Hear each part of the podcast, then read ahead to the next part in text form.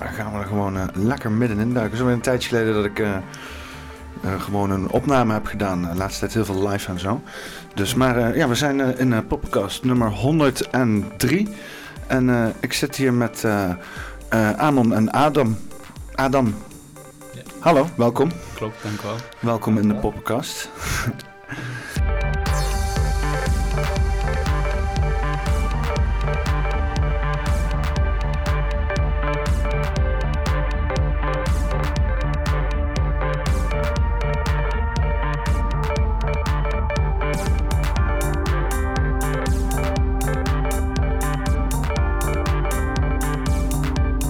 jullie zijn op missie.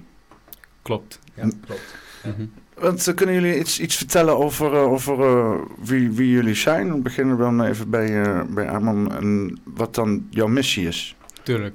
Dus ik ben Ameleman, of Elderleman, like dat je kan zien op het naambordje.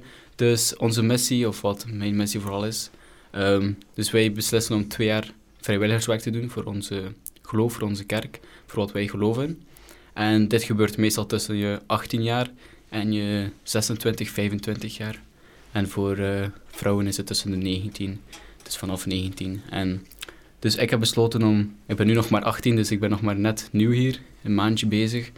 Dus uh, waarom heb ik besloten om dit te doen? Omdat ik weet uh, wat ik geloof en ik wil het gewoon delen met anderen. En zorgen dat zij ook uiteindelijk hun eigen geloof kunnen opbouwen en dichter tot Christus komen. Dus wij zijn een allee, christelijke stroom, maar toch wel iets anders dan de anderen. Want uh, natuurlijk, elk geloof is anders en persoonlijk voor, in, voor iedereen individu. Dus, ja. ja, en 18 is op zich ook al best wel jong om al overtuigd in je geloof te staan, vind ik zelf. Uh. Ja, dat klopt. Ja, ik ben... Eerst was ik natuurlijk gewoon opgevoed in het geloof. En dan was het gewoon allemaal van mijn ouders meegekregen. En dan was ik gewoon een normale tiener, like elk ander kind. En heb ik natuurlijk mijn eigen keuzes beginnen maken en mijn geloof mezelf beginnen zoeken. En dan ben ik echt pas overtuigd geweest rond mijn late 16, 17 jaren. En dan pas heb ik echt mezelf proberen te zoeken en connectie met de grotere iets, met God, um, te zoeken. En ja, dat is uiteindelijk hoe dat ik overtuigd ben geweest. En natuurlijk, het is wel een missie om mensen zeg maar, hun geloof op te bouwen, maar natuurlijk twee jaar in een ander land, nieuwe cultuur leren kennen, het is ook wel gewoon een toffe tijd. En het is zeker een ervaring dat ik niet zou willen missen. Hm. Hm. En, uh, en, Adam, uh, hoe, hoe, zit het met jouw missie? Uh? Ja, eerlijk gezegd, gewoon hetzelfde als Amon. Hetzelfde doel, eerlijk gezegd. Van culturen leren kennen, en taal ook leren kennen natuurlijk. Ik kom niet van België of Nederland. Um, ik kom van de Verenigde Staten. Dus okay. Ik moest de taal leren. Want, want, waar kom je vandaan, van de Verenigde Staten? Ja, ik kom van Utah. Utah. Dus, dus ja. de, de, de staat van, uh, van de Mormoonse kerk, toch? Ja, ja de hoofd, hoofdstaat, zeg maar. De hele staat gewoon, is helemaal... Uh... Uh, niet de hele staat, maar er is best wel veel leden van onze kerk in Utah. Dus. Want is die staat dan zeg maar gesticht door, door, de, door de kerk? Ja, ja, dus veel geschiedenis van Utah is ja, het gaat samen met, uh, met onze kerk, want ze waren de eerste mensen om daar te wonen. Um, de kerk was opgevoed in de Verenigde Staten en uh, ze hadden in, natuurlijk een beloof van uh, de wet van de Verenigde Staten om een vrijheid van geloof en religie zeg maar, te, te hebben, maar ze hadden heel veel um, problemen met andere mensen en het was niet echt een vrijheid, zeg maar, van uh, ze konden echt niet alles doen met hun, hun religie, hun geloof. Dus ze moesten naar Utah gaan, want op die tijd, toen was het nog uh, niet een deel van de Verenigde Staten. Hmm. Dus ze gingen daar en ze, ze hadden een klein staden um, daar opgebouwd en zo. En ja, is, uiteindelijk is, het later gewoon veroverd door de, door de Union, zeg maar? Um, dat weet ik helemaal niet, eerlijk gezegd. Uh, en volgens mij vertellen ze dat soort geschiedenis niet graag. Um, uh, want hoe lang, ben jij, hoe lang ben jij nou in Nederland? Ja, ik ben in Nederland en België voor uh, 13 maanden geweest. Dus ik kwam december van 2021. Um, ja, dus ik ben al langer op missing hmm. geweest. Um, Alman is nog nieuw, dus ik geef hem een beetje training, zeg maar. Mhm. Uh, maar, maar, hoe, lang, hoe, lang, hoe, lang, ben je in Nederland? Uh, een jaar nou? Of, uh? Ja, Ja. 13 maanden, dus net meer dan een jaar. Ja, en, en want spreken ze dan Nederlands in Utah of zo? Of, eh? Nee, helemaal niet. Want alles wat jij nu kan in Nederlands, dat is binnen een jaar aangeleerd. eh. Ja, klopt. Ja, dat vind ik wel indrukwekkend. Zijn, eh, zijn mensen, eh, ik zei dat laatst ook dat we elkaar spraken, maar er zijn mensen hier langer die minder, eh, minder goed Nederlands spreken. En het is ook geen makkelijke taal, zeg maar. Hè? Nee, Het nee. slaat, heel slaat helemaal nergens op, die hele taal niet. ingewikkeld. ja, vooral de, de grammatica is heel ingewikkeld voor mij. Ja. Dat is nog niet perfect. Dus. Ja, wel, alles wat zeg maar natuurlijk voelt, hebben we eruit gegooid. En hebben we een soort van Excel-sheet van regels van gemaakt. En zeg hier alsjeblieft, je hebt de taal zo min mogelijk woorden. Weet je, alles betekent vier keer iets en zo. Nederlands. Hoe vind je het in Nederland tot nu toe en België? Oh, ja, het is fantastisch. Ik vind de cultuur leuk, de mensen zijn heel leuk. Ehm, en ik ben gewoon blij om elke dag met mensen te praten, deze cultuur te leren en natuurlijk de taal ook te leren, dat is een voordeel. Ja, het is niet even, even op vakantie in Nederland, zeg maar. Ik ben maar hardcore eh, shit aan het ervaren, zeg maar. Mensen, mensen vooral, hè, als ik het goed begrijp. Ja, ja, we komen tegen heel veel verschillende mensen van verschillende achtergronden. En dus ja, is, is ook, ik vind het wel een beetje van een vakantie soms. We kunnen nog leuke dingen meemaken. we moet, en, moeten soms ook gewoon een vakantie van maken. Hè, dat, eh, ja, plekken bezoeken en zo. Dus natuurlijk moet dat voor mij gebeuren. Ik vond dat wel leuk, want dit is mijn eerste keer buiten de Verenigde Staten. Dus ik vond dat wel leuk, vooral om in Europa te zijn. Dus heel veel werk fulltime natuurlijk, maar ook is best wel tof. Ja. Je leest er denk ik, eh, in de Mormoonse Bijbel is natuurlijk ook enigszins een, jij legde dat laatst uit met jouw tekening, een soort van con- continuering van, van, de, van eh, het christelijke geloof, toch? Als ik het zo... eh, Dus de Bijbel, de Bijbel is heel vaak eh, vertaald geweest in zo, ehm, ja, de heel oude Bijbel en hebben ze het vertaald. Er zijn er veel soorten en vertalingen geweest. Ehm, dus wij geloven wel in de Bijbel, maar dan in de juiste vertaling. Dus, ehm, ah ja, oké. Ehm, maar eh, het belangrijke natuurlijk met de Bijbel is dat we ook het boek van Mormon hebben. En dat werkt eigenlijk samen met elkaar, want de Bijbel wordt heel vaak anders geïnterpreteerd door verschillende soorten mensen. En daarom dat er ook veel verschillende geloven zijn ontstaan van de Bijbel. Heel veel verschillende. like, Je hebt protestanten, je hebt bap- baptisten, katholieken, rooms-katholieken.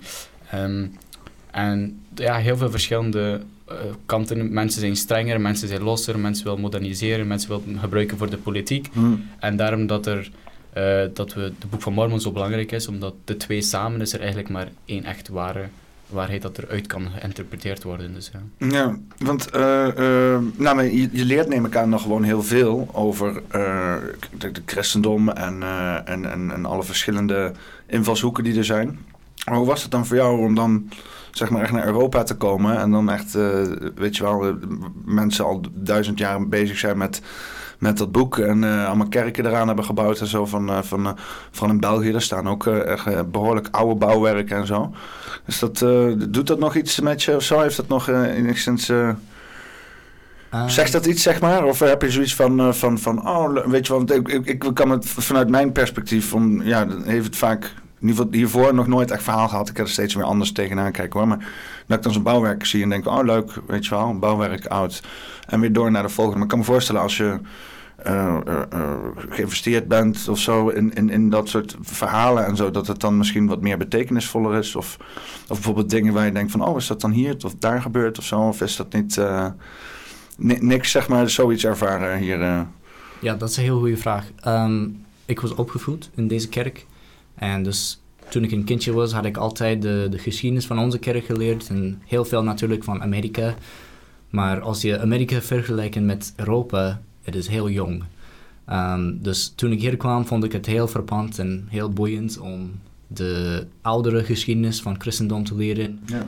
En gewoon, ja, die, die kant van de kennis te ontvangen voor mezelf. En gewoon, ja, dat vond ik leuk. Ja, ja ik, kan me kan me voorstellen. Jij bent er natuurlijk hier, eh, hier, hier opgegroeid en zo. En eh, het is juist een beetje een ander, andere kant, zeg maar. Jij bent zeg maar daar echt midden in de ehm, mormoonse gebeuren als, als, als standaard, zeg maar, opgegroeid. En dan gaat dan een daaruit om zeg maar de buitenwereld te bekijken. Jij bent zeg maar al in de buitenwereld en hebt iets van dat mormoonse geïncorporeerd hier. Z- Zijn jouw ouders dan ook lid van de kerk? En, Dus ja, mijn moeder komt van eh, Zuid-Afrika, is geboren in Bloemfontein in Zuid-Afrika. En Mhm. haar eh, familie was, zij was eigenlijk al opgevoed in de kerk ook.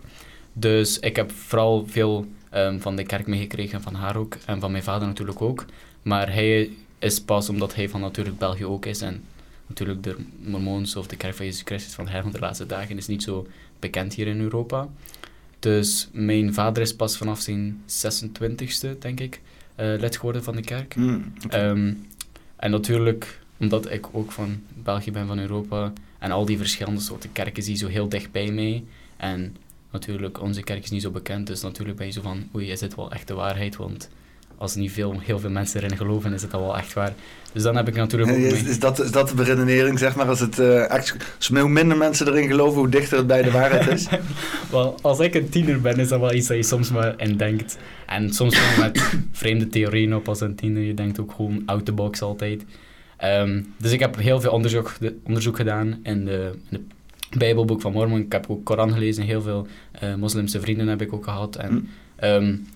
Natuurlijk, dat heeft me ook allemaal ehm, ergens een goed gevoel gegeven in andere geloven. Want natuurlijk, iedereen praat over goede dingen in een geloof. Over liefde geven en voor anderen zorgen. Ehm, maar het mooiste dat ik natuurlijk vond aan dit geloof is dat eh, het steeds ehm, verandert, het moderniseert constant, omdat we nog steeds profeten hebben die ons nu leiden. Mm. Dus het is niet iets super ouds. En dan natuurlijk, als je de Bijbel leest, al die oude dingen, denk, denk, denk je soms wel, oh, dat zijn voor de mensen in die tijd. Dus wij leven in een heel andere tijd. We hebben technologie, het is volledig anders. Onze verleidingen, onze moeilijkheden zijn totaal niet vergeleken met hoe dat het vroeger was. Mm. Dus daarom dat het zo mooi is om te zien dat we profeten hebben die weten hoe dat we moeten leven in deze tijd en die dan samen met de communicatie van God ons kunnen leiden. En dat geeft mij meer directer, meer gedetailleerde ehm, focus op hoe dat ik een beter persoon kan zijn in deze tijd in 2022. Dus ja. Of 23 al, ja. Ja, En het schiet voorbij allemaal, hè? Precies. Ja, ja en het, zijn natuurlijk allemaal bewogen tijden en zo. eh, want, eh, want hoe kijken jullie, zeg maar, eh, want, want hoe staan jullie erin als je, zeg maar, met al die progressie die nu gaande is, al die, eh, ja, mm, mm, mm, mm, genderfluiditeiten, eh, eh, meningen rondom eh, eh, het lichaam en wat ermee mag gebeuren vrouwen, de rol van vrouwen, de rol van mannen in de maatschappij, of vrouwen en mannen überhaupt nog bestaan. Ehm, eh, zitten jullie ook in die discussie of laten jullie dat helemaal links liggen? Wel, onze prof profeten zijn natuurlijk de laatste tijd daar ook meer ehm, daarop aan het focussen, want het is natuurlijk hoe dat de wereld nu aan het veranderen is. En ehm, ze focussen vooral op dat we allemaal kinderen van God zijn en God heeft ons allemaal lief, op hoe, de- hoe dat we ook maar zijn. Mhm. Ehm, maar natuurlijk geloven wij ook dat eh, er een man en een vrouw is. En natuurlijk, ja, het is soms heel ingewikkeld, want het is allemaal ook nieuw. Dus wij moet, iedereen moet er nog mee wennen. En iedereen is soms anders. En iedereen heeft andere dingen gekregen, dingen, talenten gekregen, andere moeilijkheden gekregen. En voor ons maakt het niet uit eh, wie dat je lief hebt.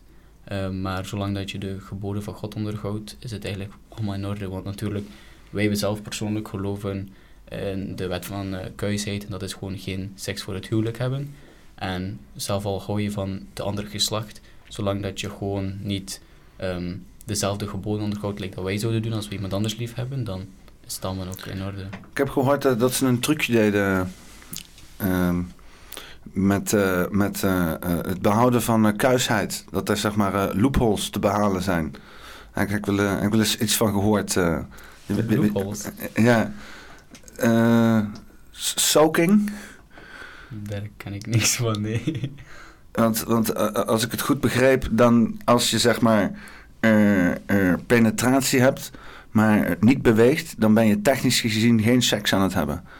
Dus dan, om, dan, om dan zeg maar hè, geen seks te hebben voor het huwelijk, mm -hmm. maar toch uh, maximaal te kunnen friemelen, dan hang je hem er gewoon in. Ja, dus wat wij daarop zien is gewoon, um, het is een verleiding zeg maar, het is iets dat je focus weghoudt. En wij geloven dat um, die intimidaties allemaal zijn voor in het huwelijk. Um, omdat je dan maar aan één persoon gehecht bent dan als je het ervoor al zou beginnen doen en die ehm, ja, die, eh, hoe noem je dat, die gevoelens begint te kweken, ehm, dan ben je groterlijk verleidelijk om ook ehm, met anderen bezig te zijn. Het moet eigenlijk maar één persoon zijn, alles is in de huwelijk. Het is een heilige ding Hm. om bijvoorbeeld uiteindelijk kinderen te hebben en zo. En dat is een heilige gebod. Maar hoe zit het dan met homohuwelijk en zo? Want dan kan je niet kinderen hebben. Je kan ze wel opvoeden, maar niet, niet krijgen samen. Mhm. Als er twee mannen zijn, daar moet ik ook voorzichtig mee zijn tegenwoordig. En mannen kunnen tegenwoordig kinderen hebben, als het even ligt aan sommige mensen. Dus, maar als je twee personen hebt met een penis, Mhm. eh, eh, zonder baarmoeder. Ja, veel dingen. Ja, Mhm. ja, weet je, dat moet dan ex- expliciet aangemeld worden. Dan zeggen ze van, ehm, of moet niet, maar dat, dat proberen dan heel, heel progressieve mensen door te drukken. Van nee, het zijn geen vrouwen, maar personen met een baarmoeder. Mhm. Om dan juist, hè, dus die man-vrouw ding er helemaal uit te halen. Om dat helemaal gelijk te krijgen, zeg maar. Mhm. En eh, dus, maar ja, als je dus twee mannen hebt die dan eh, ja, elkaar lief hebben. Twee personen zonder baarmoeder met een penis. Die kunnen geen kinderen krijgen. Mhm. Hoe zit dat dan? Is dat dan nog steeds een valide huwelijk? Of? Wel, ehm, ik weet niet als dat gaat veranderen of niet, maar voorlopig hebben wij iets dat noemt de proclamatie voor het gezin. En daar staat er ook in dat een, een huwelijk tussen man en vrouw is. Dus Dus vanuit de Mormoonse kerk worden er geen eh homohuwelijken uitgevoerd eh, momenteel. zover dat ik weet, niet. Nee. Ja. Ja, volgens mij niet. Want we hadden natuurlijk in de Bijbel, op het begin lees je over Adam en Eva, de eerste twee personen op aarde. En dus we staan erbij met ons geloof van, het is belangrijk dat we een man en een vrouw hebben in een huwelijk en een gezin ervan opbouwen. Ja. Ja. Ja, want eh, eh, eh, is, is, is dat dan... want, want, want hoe... ja, dan- dan, zou je dus inderdaad zeggen... Want bijvoorbeeld mensen die dus gewoon... die dat, dat niet willen, zeg maar. Hè? Die zeggen van, nou, wij willen helemaal niks met man, vrouw, traditionele dingen te maken hebben. Wij gaan deze andere dingen doen. Hoe, hoe kijken jullie daar tegenaan, tegen die groep mensen? Ah, Zijn- Zijn die er gewoon? Is, Nee. dat, is, dat, is dat gevaarlijk? Is dat prima? Hoe moet ik dat zien? dus onze twee grootste geboden zijn is heb God lief boven alles. En de tweede grootste gebod is heb uw naaste lief zoals uzelf. Dus als je jezelf lief hebt, moet je al je naasten lief hebben. Maakt niet uit welke keuze dat ze maken. Dus misschien ehm, in onze kerk accepteren we geen homohuwelijken. Of misschien ehm, mensen die hun geslacht veranderen. Maar dat betekent niet dat we disrespect erover gaan hebben of ze gaan downgraden, zeg maar. We hebben gewoon ze nog steeds lief en hebben respect voor hun keuzes. Want iets dat wij in de wereld hebben gekregen, is natuurlijk keuzevrijheid. Wij kunnen weten wat goed en slecht is. Wij kunnen onze eigen keuzes maken en dat is iets dat God ons gegeven heeft. Dus wij respecteren dat iedereen natuurlijk een eigen keuzes maakt. Ja. ja, nu is het dus inmiddels op een punt dat dus... ehm, eh, weet je wel, want dat, dat zou dus ook... Hè, ieder, ieder groepje heeft zijn eigen ding. En ja, als sommige mensen dan bepaalde dingen niet willen... dan zou dat ook wel mogen. Hm. En als andere mensen dat dan wel willen... moeten ze dat in hun eigen groepje dan maar zo doen of zo. Maar ja, je krijgt dus nu heel veel, eh, hè, dat, de, de, de cancel culture en nou ja, de religie die heeft daar, ik weet niet hoe dat, de paus die doet nogal allemaal rare uitspraken en zo. En hier in Nederland eh, is de kerk ook gewoon, ja, dat kan van alles doen. Hè? Want inderdaad, eh, vanuit christendom kan je gewoon, je kan gewoon twee christelijke eh, homo's kunnen gewoon trouwen met elkaar. Ik zelf, ik heb er geen probleem mee. Ik heb niks met het eh, instituut huwelijk. Hè? Ik ben wel inderdaad voor de vereniging van man en vrouw, maar daar heeft de staat wat mij betreft nog de kerk iets mee te maken. Ehm eh, dan is het leuk om een feest te geven en zo, weet je wel. Een korting te krijgen op je hypotheek en dergelijke. Maar Ja. dus dat is, dat is, dat is het spelletje. Hè? Nou ja, ik, ik, vind Ja. dat, eh, ik, ik, ik, ik, voel dat ook zo. Ik heb ook zoiets van, eh, weet je wel, de- ik denk dat je met een vrouw naast je, en dan is het cirkeltje compleet. Dan heb je en het emotionele verzorgende gedeelte en het ambitieuze vechtende gedeelte. Eh, en dan kan je samen kan je, hè, mooie, kan je jezelf hoger optillen. En... ehm, en eh, ik heb ook zoiets van als mannen dat in elkaar vinden, hè, want er zijn ook genoeg feminine mannen en, en, eh, en eh, mannelijke vrouwen wat dat betreft. Als het gaat over bepaalde eigenschappen, nou, dan draait het dus niet om voortplanting. Wat hier in Nederland niet zo'n probleem is, want dat is op zich, hè, ik bedoel, eh, niet eens huizen waar we mensen moeten neerzetten. Dus een beetje minder voortgeplant hier in Nederland is, eh, is, is gewenst. is niet gunstig, want uiteindelijk krijg je wel heel veel oude mensen. Dus precies ook wat we nu hebben hier. Dus ik weet niet of het nog veel erger kan, maar enfin. eh, eh, ehm, eh, maar dat, dat hele, dat, dat dus inderdaad. dus ja, die mensen gaan zeggen die dan voor hun gevoel geëxcludeerd worden uit je organisatie, omdat jullie niet voldoen aan hun wensen, dat ze dan gaan zeggen: ja, dan mag deze organisatie ook niet bestaan. In principe precies het tegenovergestelde wat jullie hebben. Dan zeg maar van, eh, van ja, oké, eh, eh, dit is niet hoe we het hier doen, maar als jullie wel jullie zijn en we, we houden van jullie zoals jullie zijn, maar we gaan niet voldoen aan jullie voorwaarden. Maar als ze dat, ja, weet je wel, hoe, staat het tegenover dat dan dat soort mensen dat kunnen gaan eisen bij, bij verschillende organisaties? Dat ze dus inderdaad eh, onder het mom van ehm, discriminatie en zo, dat, dan, eh, dat, dat ze dan niet, eh ze zijn het ook van dat er dan transgender mensen, of die dan wel of niet toegelaten worden door de kerk, of, of wat, eh, dat, dat zou je buitensluiting kunnen noemen. Dus we sluiten ze zeker niet buiten. Iedereen is altijd welkom in onze kerk. Ehm, en iedereen mag natuurlijk ook gewoon ehm, de... Maar zij gewoon... Ze mogen altijd binnenkomen in de kerk, ze zijn altijd welkom om de diensten bij te wonen. Maar sommige heilige, hogere verordeningen zijn soms ehm, weggelegd voor de keuzes die je maakt. Of natuurlijk wij ook als normale personen. Ehm, je moet de geboden van God onderhouden. Dus als ik zeg maar een gebod niet onderhoud, kan ik ook gewoon niet de he- heilige verordeningen doen. Ja. Dus het hoort er allemaal bij. Iedereen is natuurlijk altijd welkom, maar ja. Ja, je kan zeg maar of kiezen, weet je, als je struggelt met jezelf, met je identiteit, in wat voor vorm ook, dan kan je zeg maar kiezen om jezelf om te laten bouwen of wat voor een andere cosmetische oplossingen voor van alles zijn. Grotere kont, grotere lippen, groter hoofd, kleinere voeten, weet ik veel.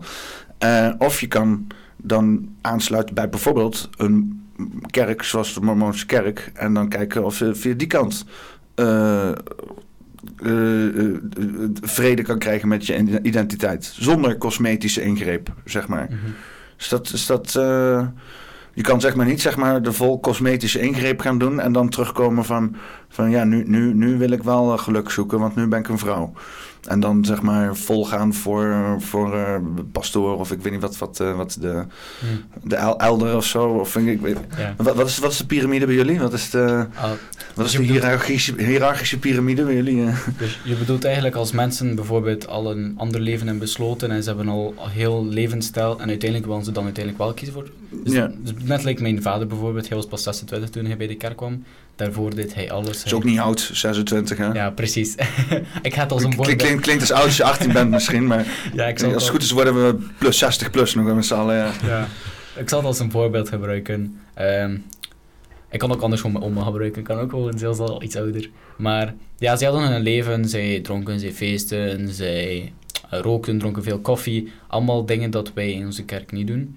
Maar natuurlijk, als zij willen beslissen om dan toch te veranderen, ehm, toch wel die geboden na te komen, om die hogere verordening zeg maar te krijgen, dan kunnen ze bekeren van hun zondiging. Want natuurlijk, de doop maakt je vlug helemaal rein, dus je verleden wordt zeg maar... Oké, nu ga ik even, even lekker in detail treden. Dit gesprek Oké. vinden nog niet zoveel plaats, denk ik, dus dat is mooi. Primeur shit. Stel, hè, je bent dus omgebouwd, je hebt dus eh, seksverandering gehad, je hebt je geslachtsdelen de andere kant op laten vouwen, zeg maar, zowel van binnen naar buiten of van buiten naar binnen, maakt niet uit. Ik, ik neem aan dat je, want hoe zit het bij jullie in de kerk met man en vrouw? Kunnen vrouwen ook sommige functies niet bekleden en dat soort zaken? Is dat... eh, Dus ehm, voor doop en de Heilige Geest en de meeste verordeningen kunnen ze allebei doen. Oké, Maar er is gewoon eh één iets groot dat ik weet dat eh, vooral alleen maar weggelegd is voor de mannen. En dat is natuurlijk het priesterschap. ja. de macht en gezag ervan. En dat is zeg maar de macht van God kunnen gebruiken. En dat is ook alleen maar vanaf een bepaalde leeftijd en hoge verordeningen dat je maakt. Ja, want die heb je dus dan, als je dus een vrouw hebt die zich chirurgisch heeft laten ombouwen tot man en dan vervolgens wel mm, eh, eh, naar jullie toe komt als man zijnde. Hè? Eh, hoe, hoe zit het dan? Moet het dan geheim blijven? Mag dat ook mag zeggen van ja, ik heb me laten ombouwen, maar ik wil nu wel priester worden? Of moet ze dat dan gewoon niet zeggen en gewoon faken dat ze een man is? Eh, hoe, Dus het ding is, ehm, ik zal starten met het voorbeeld als ze bijvoorbeeld het faked. Dat ze gewoon doet alsof dat ze een man is, maar niemand vertelt dat ze als het begin een vrouw was. En dan krijgt ze al die verordeningen. Ze zal misschien het, de gezag hebben van het priesterschap, ze zal het misschien wel gekregen hebben, maar ze kan er niks mee doen. Omdat natuurlijk je moet eh, de geboden onderhouden en liegen is natuurlijk een gebod dat je niet mag doen. Dus dan kan je eigenlijk met het macht niks doen, omdat je hebt het misschien wel, maar je kan het niet gebruiken omdat je niet waardig bent ervan. ja. Dus dat is gewoon het grote ding. Ehm, Het tweede was als ze wel eerlijk was, maar dan van het andere geslacht is omgebouwd. Ja, als ze inderdaad gewoon aankomt Mhm. en zegt van... eh, luister, eh, eh, ik was een vrouw, maar nu ben ik gewoon helemaal man. Kijk Mhm. maar. En, en ik wil graag priester worden. En dan ben ik... ik wilde alles voor doen. Alles, en mannelijk zijn en alles en dat soort dingen. Mhm. Ja, ehm, ik weet precies niet helemaal hoe dat in elkaar zit, maar ik zou zeggen dat dat gaat voor ehm, dat dat gaat naar grotere leiders die uiteindelijk de beslissing zullen maken. Want natuurlijk, iedereen, iedereen dat gedoopt wordt, gaat interviews hebben met mensen die eh, hoger staan in het kerk, zodat ze natuurlijk geaccepteerd worden om die beslissingen te maken, want het is heilig, je wilt het niet mee spotten. Ehm, dus ik denk als we zo'n geval hebben, dat dat wordt gedaan met iemand die hoger staat en meer kennis heeft dan ons. Er wordt de paus erbij gesleept. De, de, de, de mormoonse paus. Dus, Wie, wie is de hoogste bij jullie in de kerk? Is dat... eh, Dat is onze eh, profeet, Russell M. Nelson. Oké. Dat is onze profeet. Maar ehm, Eh, dat is een soort van pausachtige positie, of hoe moet ik dat zien? ehm, wel, ik zou zeggen, paus is meer like, iets van de familie. Iets, ik weet niet precies hoe dat de paus in elkaar zit, maar ik denk dat het meer familie is of iets dat hij gewoon wordt beslist om paus te worden. Ja, het wordt, eh, je hebt eh, zo'n hele soortje bisschoppen, die mannen in die rode pakjes en zo. Mhm. En dan norm- normaliter eh, er gaat de paus dood. Dan zie je zwarte rook uit het Vaticaan komen. En dan eh, eh, komen dus al die eh, kardinalen, komen kardinalen komen bij elkaar. En die gaan net zo lang daar zitten bakkeleien... totdat ze eruit komen wie de nieuwe paus is. En dat is een van die kardinalen dan, op dat Mhm. moment. En dan komt er witte rook uit de schoorsteen en dan weet ze het. Nee, want er is dus gebeurd met de vorige paus. en Want dat hoort helemaal niet. Paus hoort gewoon, is een, is een beroep voor het leven. Als je paus bent, ben je gewoon paus tot je doodgaat. Die gozer was gewoon met pensioen gegaan, ouwe. Die, die, die vorige paus, de paus eh, Johannes Paulus of zo weet ik veel. Is gewoon gebeeld. Is gewoon met, en dan is er een andere paus voor teruggekomen. Het lijkt bijna wel alsof die paus die er nu zit, die andere paus eruit heeft geschopt. En die andere paus, die dus inderdaad af is gezet of whatever, die is recentelijk dood gegaan. En die is dus inderdaad begraven door de nieuwe paus. Nou, dat is al, dat is, dat is in 400 jaar nog nooit. Is één keer is het een keer in het verleden ook meegekomen, maar dat hoort helemaal niet te gebeuren. Want ja, paus hoort dood te zijn en dan hoort een nieuwe paus gekozen worden. Dus je hebt dus bizarre dingen in de kerk gaande. Ja. Sommige mensen die zeggen dat, eh, dat de zwarte paus de- het Vaticaan heeft overgenomen. Mhm. Vanuit, eh, vanuit de orde van Jezuïeten. Ik weet niet of je er ooit wel eens van hebt gehoord. eh eh, is een of andere orde in de, in de kerk, heel oud al. En die, die, die, daar hoor je niet zoveel over. En dat is ook de bedoeling, zeg maar. Maar die zijn wel heel prominent. Altijd al. Ja. En, eh, en, en die paus die er nu zit, die, die hoort bij die orde. Dus, maar dat is eh, zorgwekkend. ja, precies. Vind ik zelf. Maar ja, die paus die, die doet dus allemaal dit soort uitspraken. Zo. Zegt ook aan pro-homo huwelijk. eh vak al onze tradities en instituten. We gaan het gewoon helemaal opengooien. Vaccineer jezelf, weet ik veel wat. gewoon Mhm. lekker modern en allemaal meedoen. En, maar ja, ja, wat dan een paus is...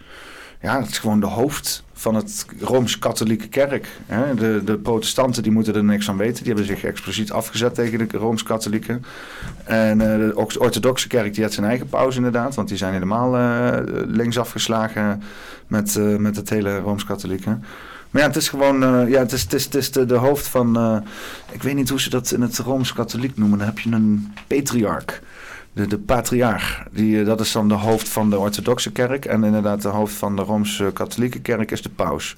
Mhm. Dus en is het, is, het, is het zoiets? Want het is gewoon de hoofd dan, toch? Of, of is dat degene die dan in contact staat, het dichtst dus, eh, bij in contact staat met God? Dat is denk ik de... Ja, dus de profeet vandaag is net als de profeten die we in de oude tijden hadden. Bijvoorbeeld in de Bijbel we hebben Mozes, Noach, zelfs Jezus. Hij was toch wel een beetje meer dan gewoon een profeet. Maar ehm, profeten, eh, een profeet is iemand die sterk con- contact met God heeft. Hmm. En hij kan openbaring of informatie van God ontvangen voor iedereen op aarde.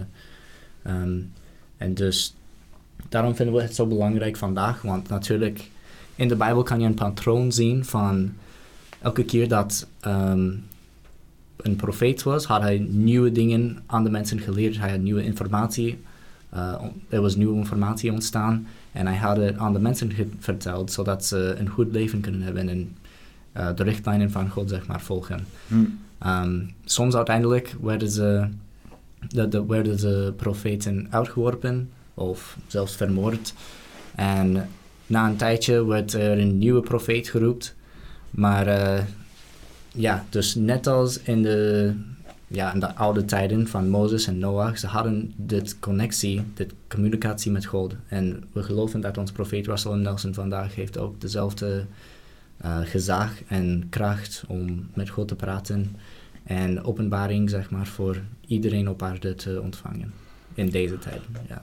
En hoe, hoe word je, zeg maar, de, de, de profeet? In, uh...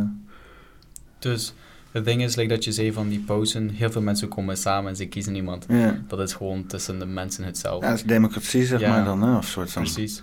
En in onze kerk natuurlijk, like dat ik uitlegde, het priesterschap, iets dat wij hebben, de macht van God. Ehm, het is daarmee, met de macht van God, de communicatie met God, dat ze een profeet kiezen. Het wordt niet ehm, zomaar tussen een paar mensen beslist wie dat het is natuurlijk. Het wordt gewoon, je hebt twaalf apostelen, een hele lijn, en als de volgende profeet doodgaat, dan komt de volgende. Het is gewoon wie de volgende apostel wordt, die, die in het lijntje komt van uiteindelijk profeet te worden Mhm. dat wordt beslist door het priesterschap. Dus iets dat geen enkel andere kerk heeft. Het priesterschap komt rechtstreeks van Jezus Christus. Die wordt gegeven aan Jozef Smith ehm, in 1830 of iets daarvoor. Ongeveer. Ja, ongeveer. En dus eigenlijk het is v- van Jozef Smith rechtstreeks doorgegeven aan mensen de macht van God. En die hebben wij uiteindelijk ook vandaag. En dat wordt, daarmee beslissen ze een profeet. Het is niet gewoon zomaar democratie. De mensen die met hun lippen praten tegen elkaar. Het is echt gewoon communicatie met God. Dat is iets heel anders. Het is een beetje zoals de Dalai Lama en zo. eh. want die wordt ook eh, van het boeddhisme. Dat is een reïncarnatie van voorgaande Dalai Lama. Dus die dan gaan echt een reeks aan eh, monniken gaan op zoek naar allerlei nieuwgeborenen in een bepaalde periode aan de hand van een bepaald protocol. En dan, dan gaan ze kijken van wie dan inderdaad degene is die het meest heilig is uit. Ik weet niet. Gaan ze allemaal mediteren rond. Ik weet niet. Dus ze hebben er vast wel tactieken voor. Maar eh, eh, ja, dan gaan, en dan op een gegeven moment kiezen ze een baby uit. Zeg je, dit, dit, is het, dit is de nieuwe Dalai Lama. En dan zetten ze hem er neer. En dan eh, ja, begint het ook gewoon al vanaf acht jaar oud. Dus zo'n, Mhm. zo'n, volgens mij zo'n Dalai Lama zegt zijn hele leven lang is hij gewoon de uitverkorene, zeg maar. Is dat een beetje zoiets, zo'n proces? Ja, dus ik heb eigenlijk daarvan ook gehoord, een presentatie van leerlingen in mijn klas. En ik was echt ervan verschoten toen ze gewoon zomaar een kind eh, pakten en zeiden van, ja, dat is de nieuwe... Nou ja, dus niet zomaar. Er zit een, hele, een, hele, een heel pro- proces eh, Ja. achter. Die ze al inderdaad eh, duizend, of ja, honderden jaren, volgens mij zelfs al duizend jaar uitvoeren. Nou, ik weet niet. Ik weet niet precies, volgens mij, want het boeddhisme is al best oud volgens mij. Maar in ieder geval duizend jaar uitvoeren volgens mij. En dan, of in ieder geval misschien zoiets als van duizend jaar uitvoeren of zo. Eh, en eh, eh, ja, dat, dat, ja, dan, als dat, het, het is ook, ik denk ook, ja, als je dat soort dingen, het, het is in zekere zin ook ehm, een gevoelskwestie of zo. Eh, en en wat waar is of niet, ehm, eh, dat beslis je met z'n allen, zeg maar. Als je met z'n allen beslist van dit is waar, ja, dan, dan is dat waar. En dan, dan- het is toch niet, het is geen wetenschap of zo. Hè? Het is niet alsof je met een metertje bij iemand in de, in de mond duwt en zegt: Oh ja, dit is, dit is goed gereïncarneerd. Of die is, heeft inderdaad de Heilige Geest het hoogst bij zich. Weet je wel? Het is allemaal een, een gevoelsmatig proces en iets wat je dan samen uitvoert. En volgens mij, hoe minder, ja, wat je ook zeggen, dat, dat praten, dat bla bla bla, dat, eh, dat, dat, dat verstoort volgens mij heel erg die, eh, die connectie die je hebt met, met, met het, het, het, metafysische, het onbespreekbare, ik weet niet precies hoe je dat wil noemen. Mhm. Maar ja, die, die, die monniken gaan dus gewoon heel erg aan de slag met, met, met die wereld. Hè, met, dat, met dat metafysische, met een gevoel. En dan hebben ze bepaalde eh, testjes en dingetjes die ze doen met rook. En dan lezen ze dingen daaruit. En daar, daar verzamelen ze genoeg kennis uit om dus inderdaad eh, gewoon een kind inderdaad op een troon te kunnen hijsen. Mhm. Dus aan de ene kant is het ook best wel krachtig, zeg maar. Hè? Want wij hebben dan een heel stemproces om dan mensen hier aan de leiding te krijgen om eh, dingen voor ons te beslissen. En eh, we hebben er shit aan vertrouwen aan, weet je. Het zit allemaal heel vernuftig in elkaar en eh, met heel veel poeha en heel veel eh bombarie en heel veel ook de bevestiging eromheen dat het allemaal maar belangrijk is en belangrijk en je mag het niet aan tornen, want anders gaan we allemaal kapot. Het is gevaarlijk voor de democratie. Eh, maar ondertussen hebben heel weinig mensen er echt vertrouwen in en zo. En, en het- ook als het vooral inderdaad op het moment zelf misschien wel even, maar zodra mensen hun stem hebben gezegd, dan hoeveel mensen komen er altijd wel niet op terug en denken van, ah, het is toch allemaal weer. Weet je wel? Eh, eh, eh, dat hele weten, dat hele dichtbouwen, dat hele geordende dingetjes, procedures en zo, dat is ook niet waterdicht. Uiteindelijk wil ik zeggen, want dan heb je met z'n allen een leider gekozen waar je niemand tevreden over is. En de gemoederen lopen er niet van, weet je wel, steeds hoger op en zo.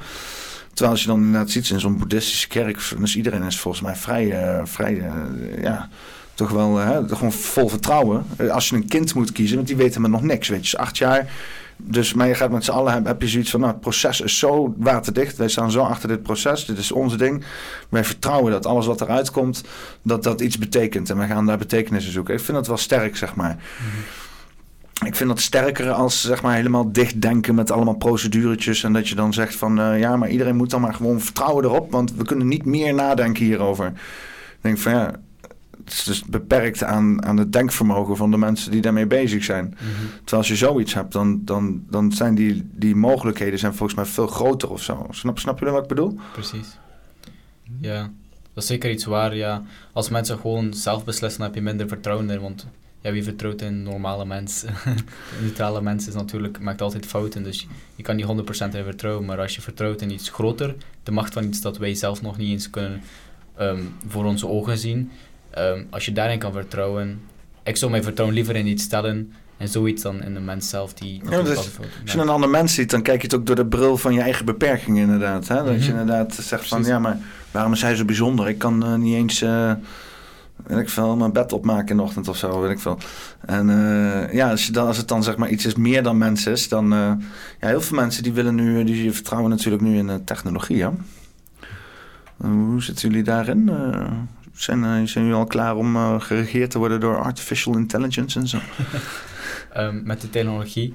Wij zien de technologie echt als een, ehm, een cadeau, zeg maar, een geschenk van de Heer. Want je kan zoveel meer mensen bereiken met technologie natuurlijk.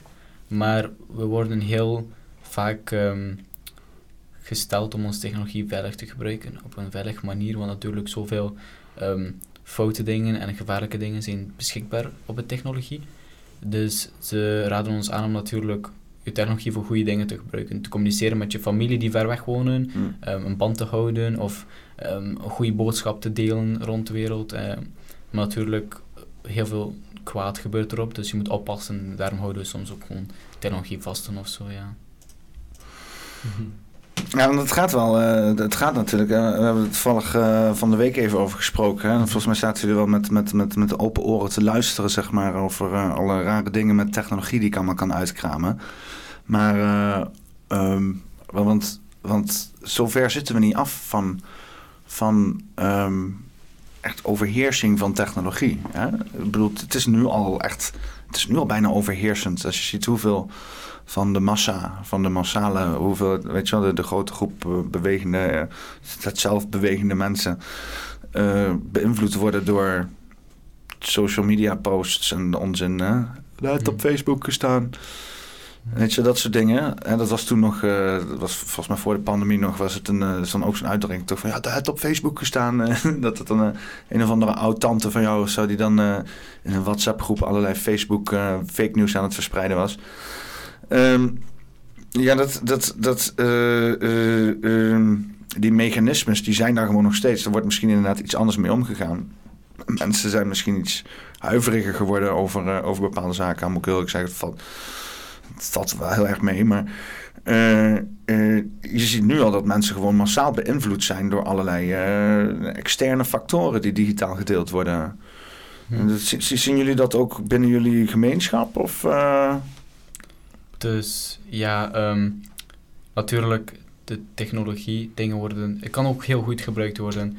Ehm, je kan met de overheid kan bijvoorbeeld heel snel nieuwe wetten of zo doorsturen. Je, onze technologie kan ook gebruikt worden om bijvoorbeeld ehm, heel veel.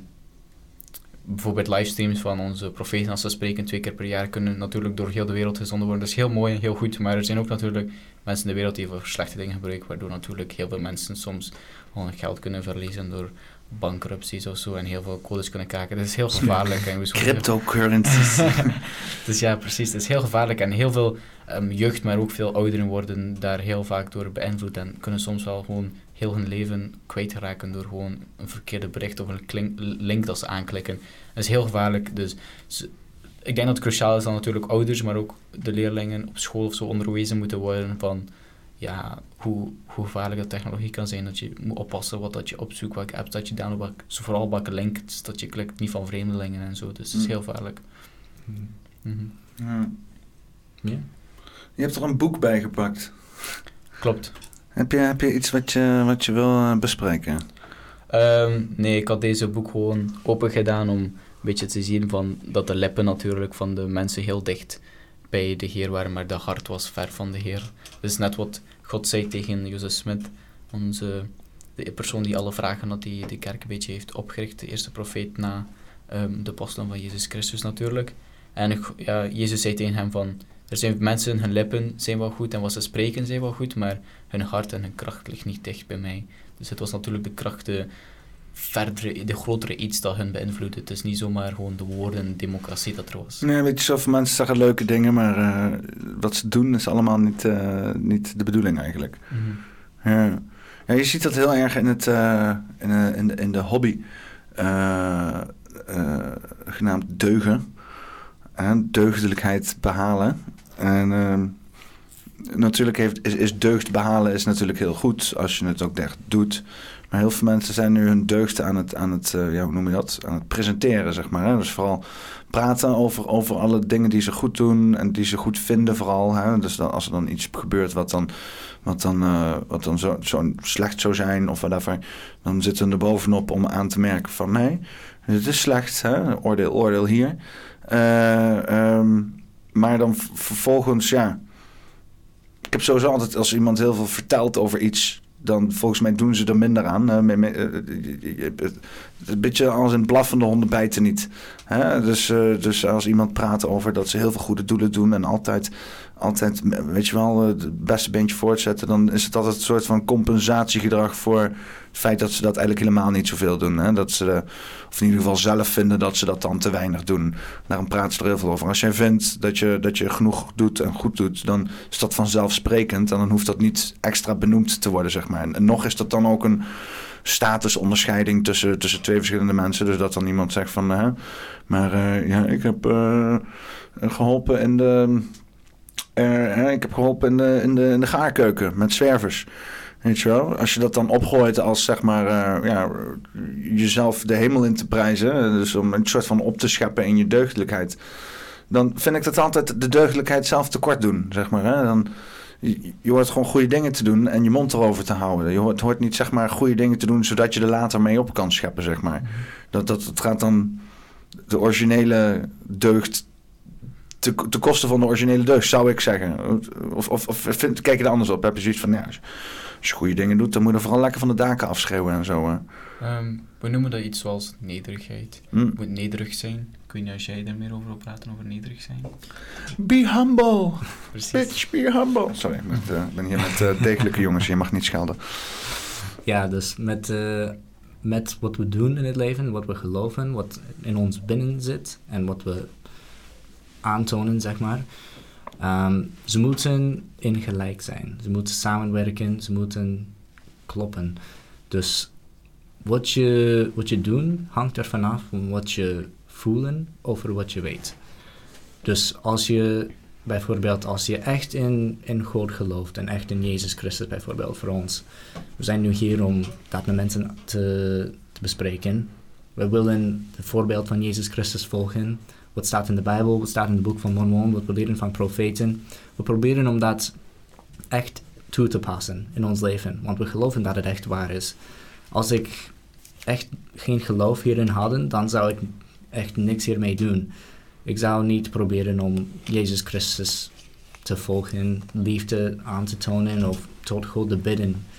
Ehm, dus als je echt, het, het komt van binnen. Het komt van je hart, van de nederigheid, van jouw intenties ermee. Dus als je een intentie hebt gewoon om jezelf op te bouwen of trots op jezelf te zijn en jezelf aan te tonen en vieren, zeg maar, dan er is geen nederigheid, er is geen echte liefde erin. Het is gewoon voor jezelf. Maar we proberen net als Jezus Christus om dingen voor andere mensen te doen, niet voor onszelf.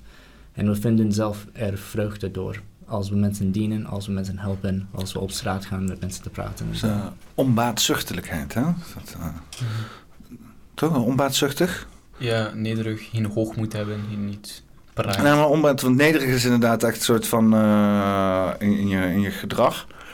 Hmm. Uh, onbaatzuchtigheid is meer, zeg maar, in je intenties. Hè? Dus dat als je iets doet, dat het ook echt is vanuit een plek eh, zonder intenties eigenlijk. Eh, vanuit een uh, onbaatzuchtigheid is de baat, het baat zit erbij. En het baat die jij er zelf bij hebt.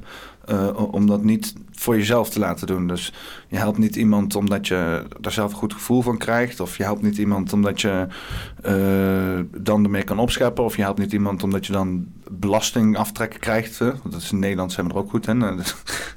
goede doelen zijn uh, financieel gunstig.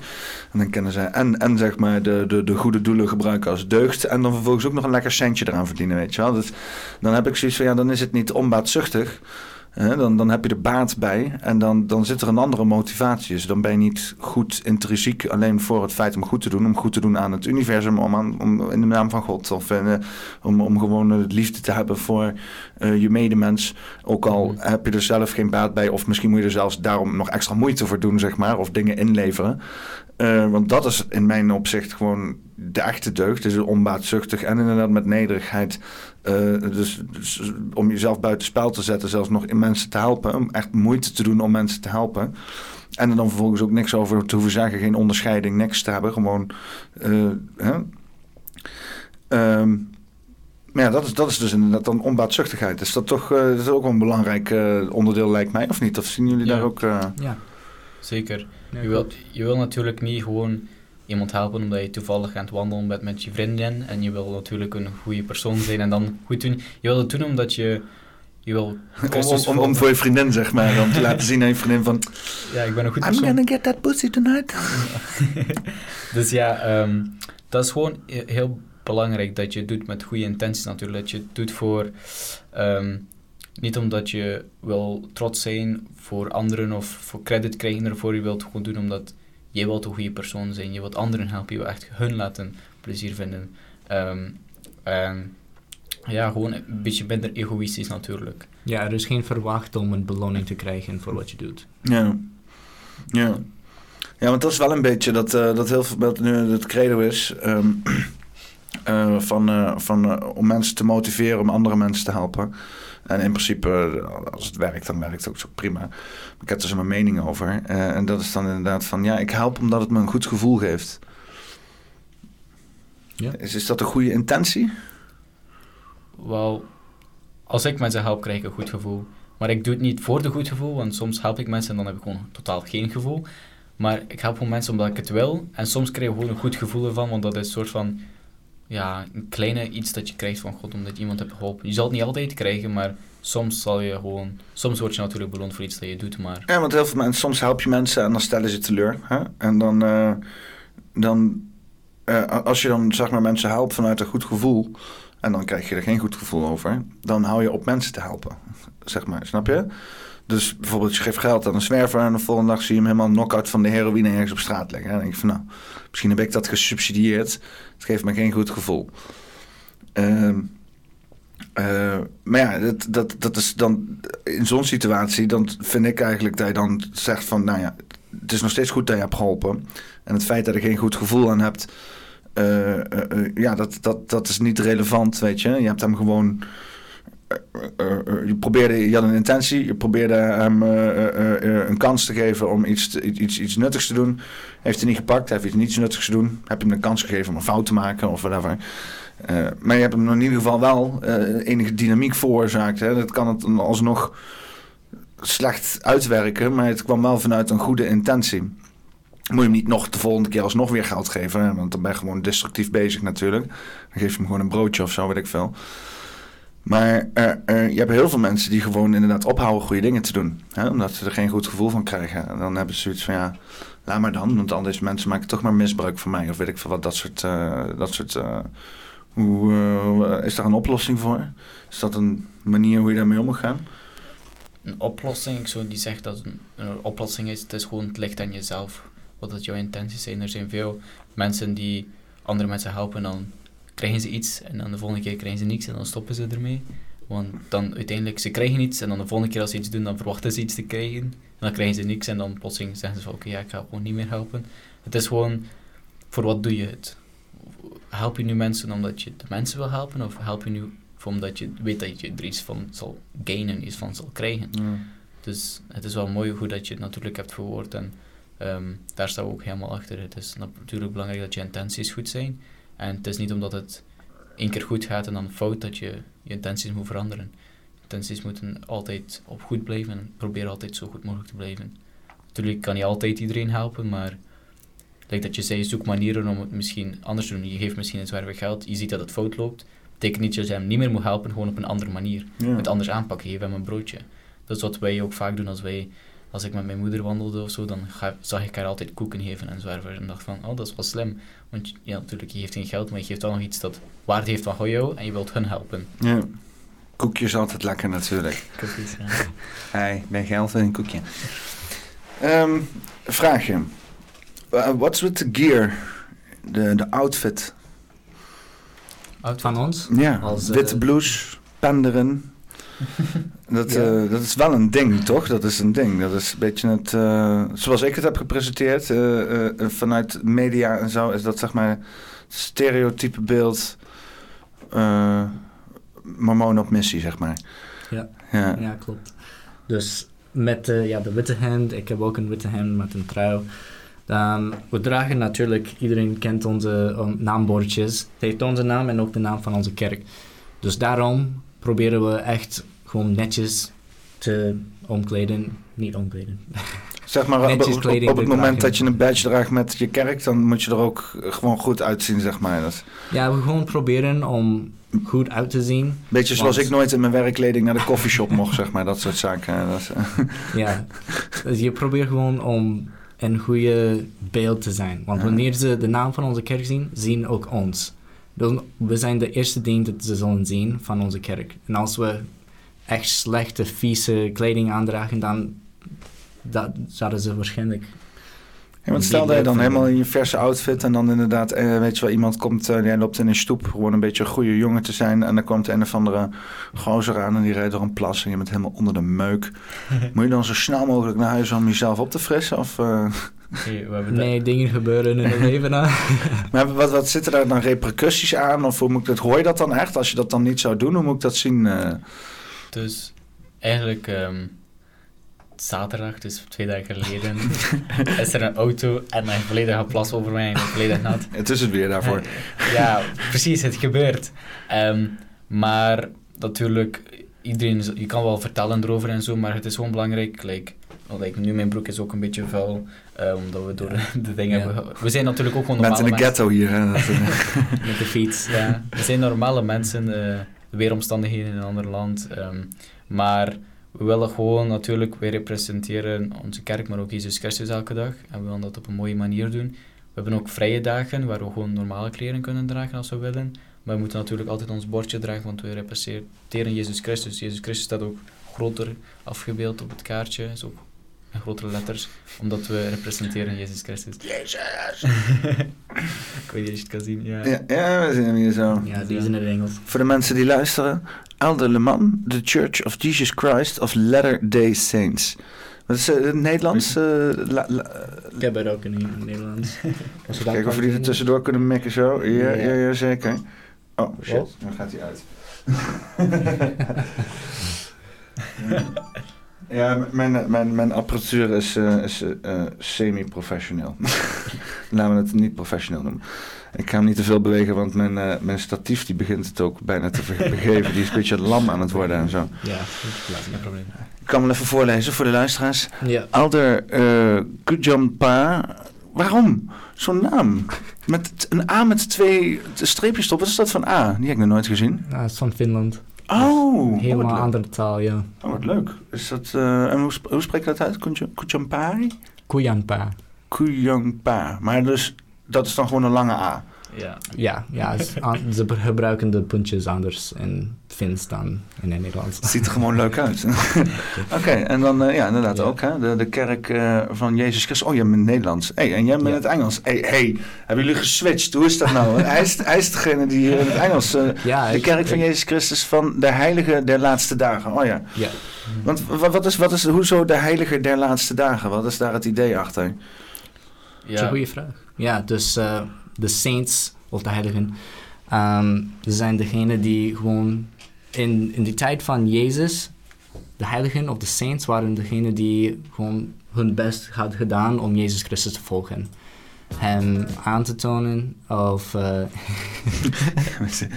één keer, Zo'n eh, Bee Gees, hè? Ja, beatjes dus, ja, dat moet ik niet te lang doen, want dan krijg ik nog allemaal eh, strikes en zo. Maar dit stond er nog van eh, gisteren van de uitzending onder. Dit is een, eh, een auto, eh, een, een auto, eh, god, eh, een auto, ik kom niet op de naam. Oh, eh, Genesis, nee. Auto Mi- mitochondriën, ik kom er niet op de naam. Sterk zeg, ik, gisteren heb ik gewoon die dingen gehad. Is van een, nee, maakt niet uit. Iets in, in de cel en die loopt zo. Dit is een echt wezentje, die, die loopt zo. Dat is wat ze doen. Het is, het is gewoon, dit is in ons lichaam nu gaande. Het keer een miljard. En die, die, die sleept dan zeg maar, eh, want het zit in een cel, zijn allemaal banen aangelegd.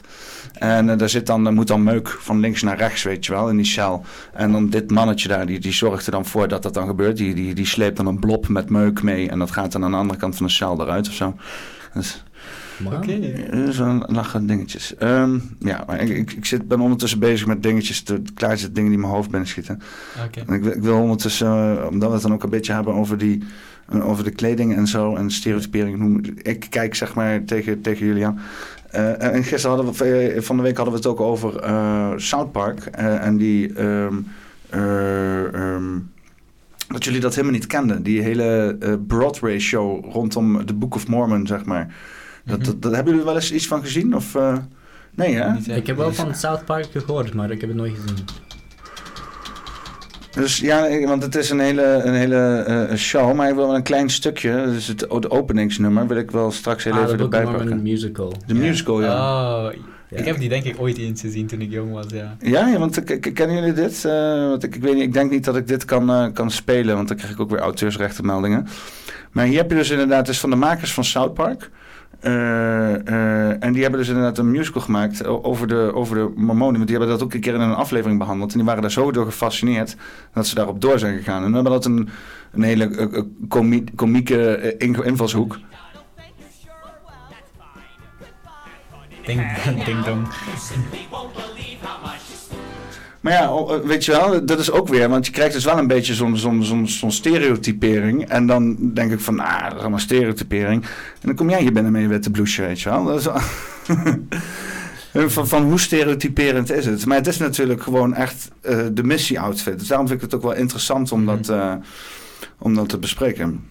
Ja, dus het hangt af van waar dat je natuurlijk gezonden wordt, met wat precies je moet dragen, want je wilt natuurlijk ook gewoon normaal lijken tussen de mensen. Dus, You have to blend in. Act normal.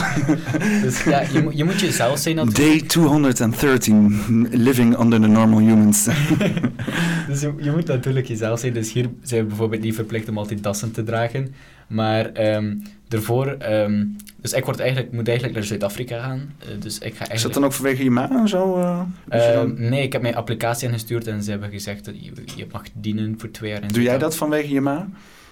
De dienen? Ja, want jouw ma, jouw ma komt uit Zuid-Afrika, toch? Ja, klopt. Maar Nee, ga je dan niet naar Zuid-Afrika omdat je daar eh, een beetje roots wil gaan ontdekken of zo? Of, eh? Ik, je mag zelf niet kiezen waar je naartoe gaat. Maar dat meen je niet? Je stuurt je applicatie in en zij sturen jouw e-mail terug of een brief in de vroeger tijd en dan staat er de land Wisten op. hun van je moeder in Zuid-Afrika?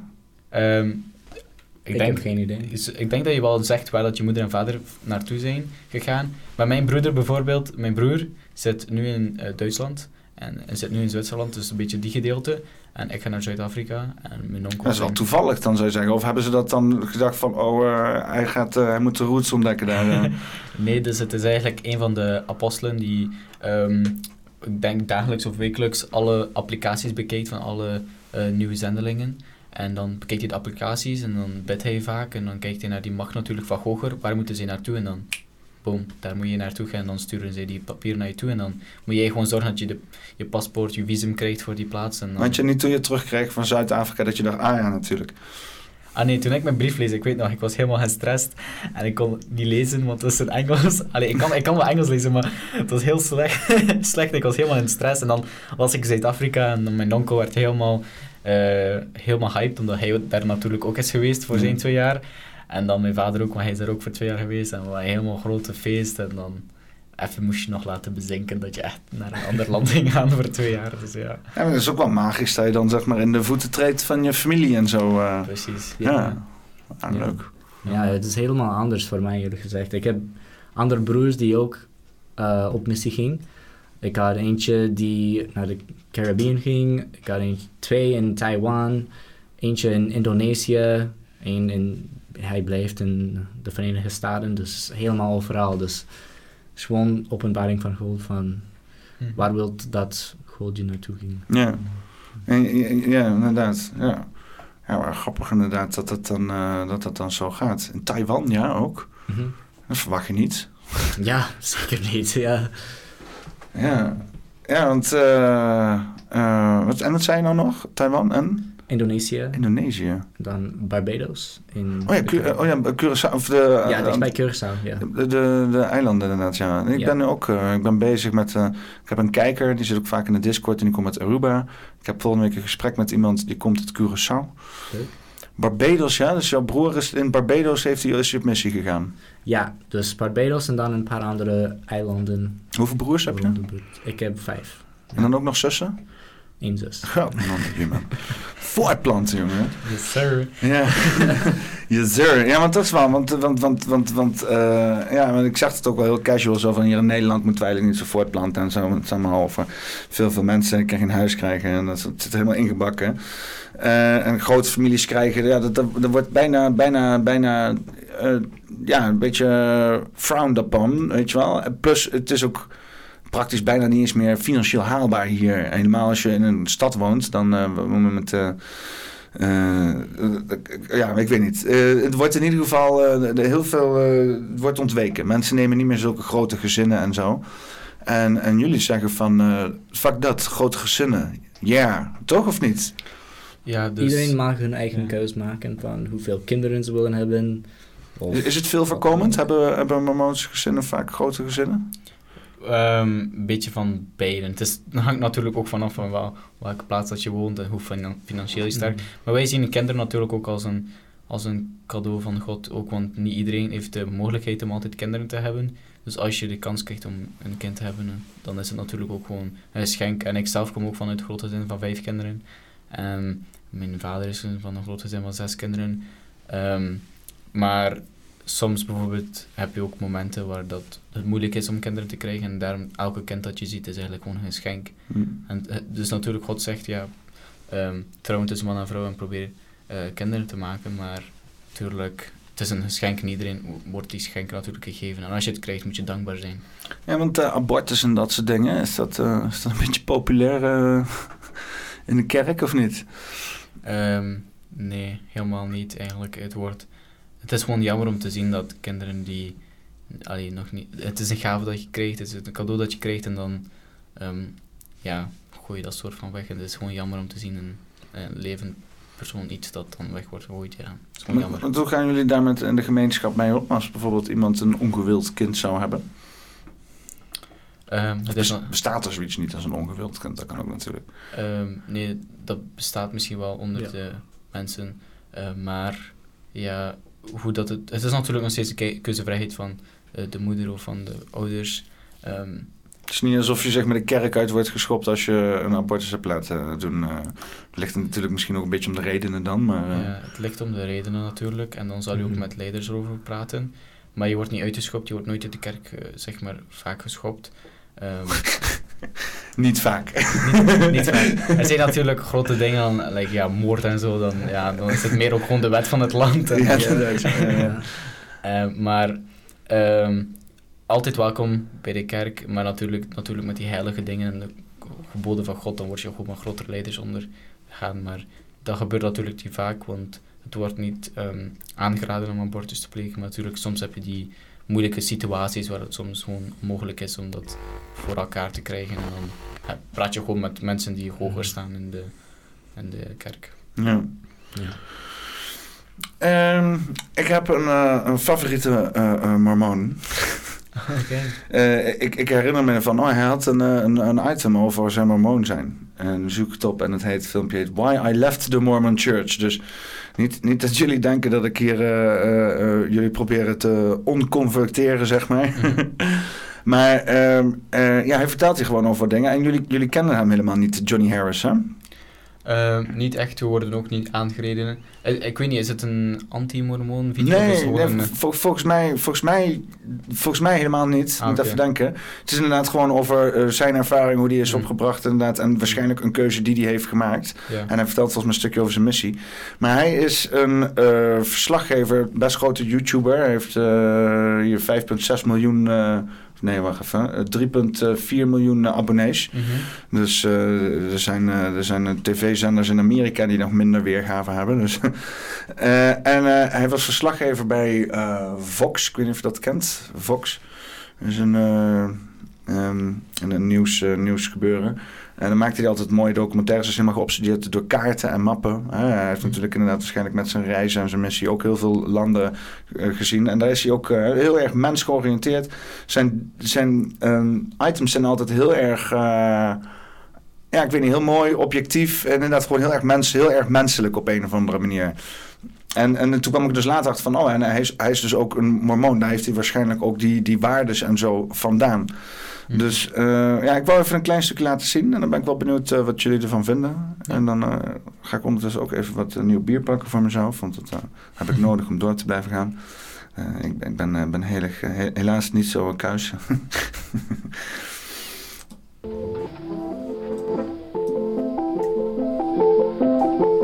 I grew up Mormon And was Mormon most of my life up until a few years ago.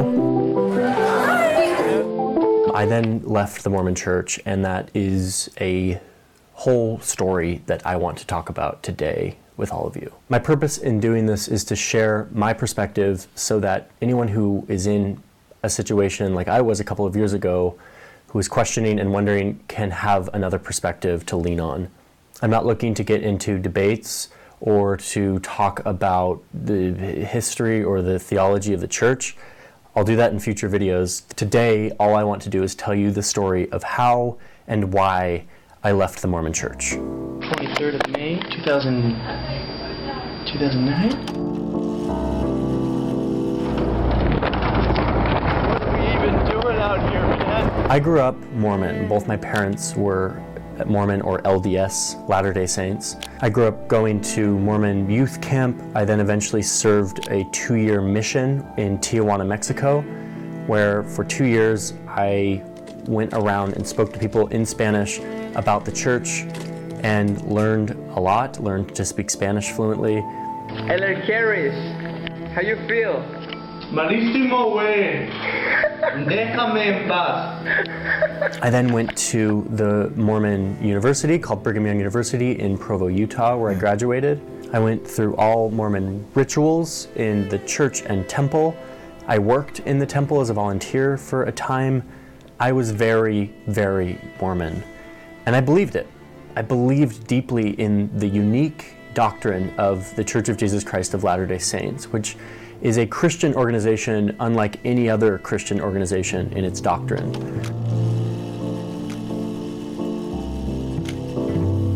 The story of how I decided to leave this really begins with the birth of my son.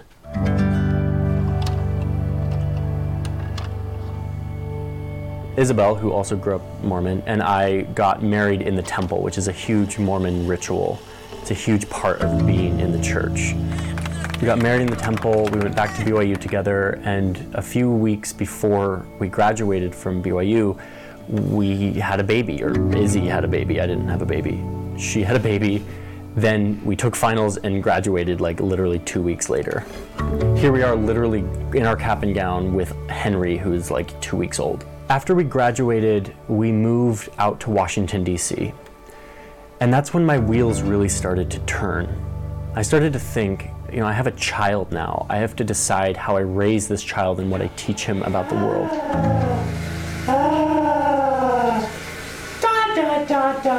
I think having Henry really made me wonder and think about how I should teach him about the world.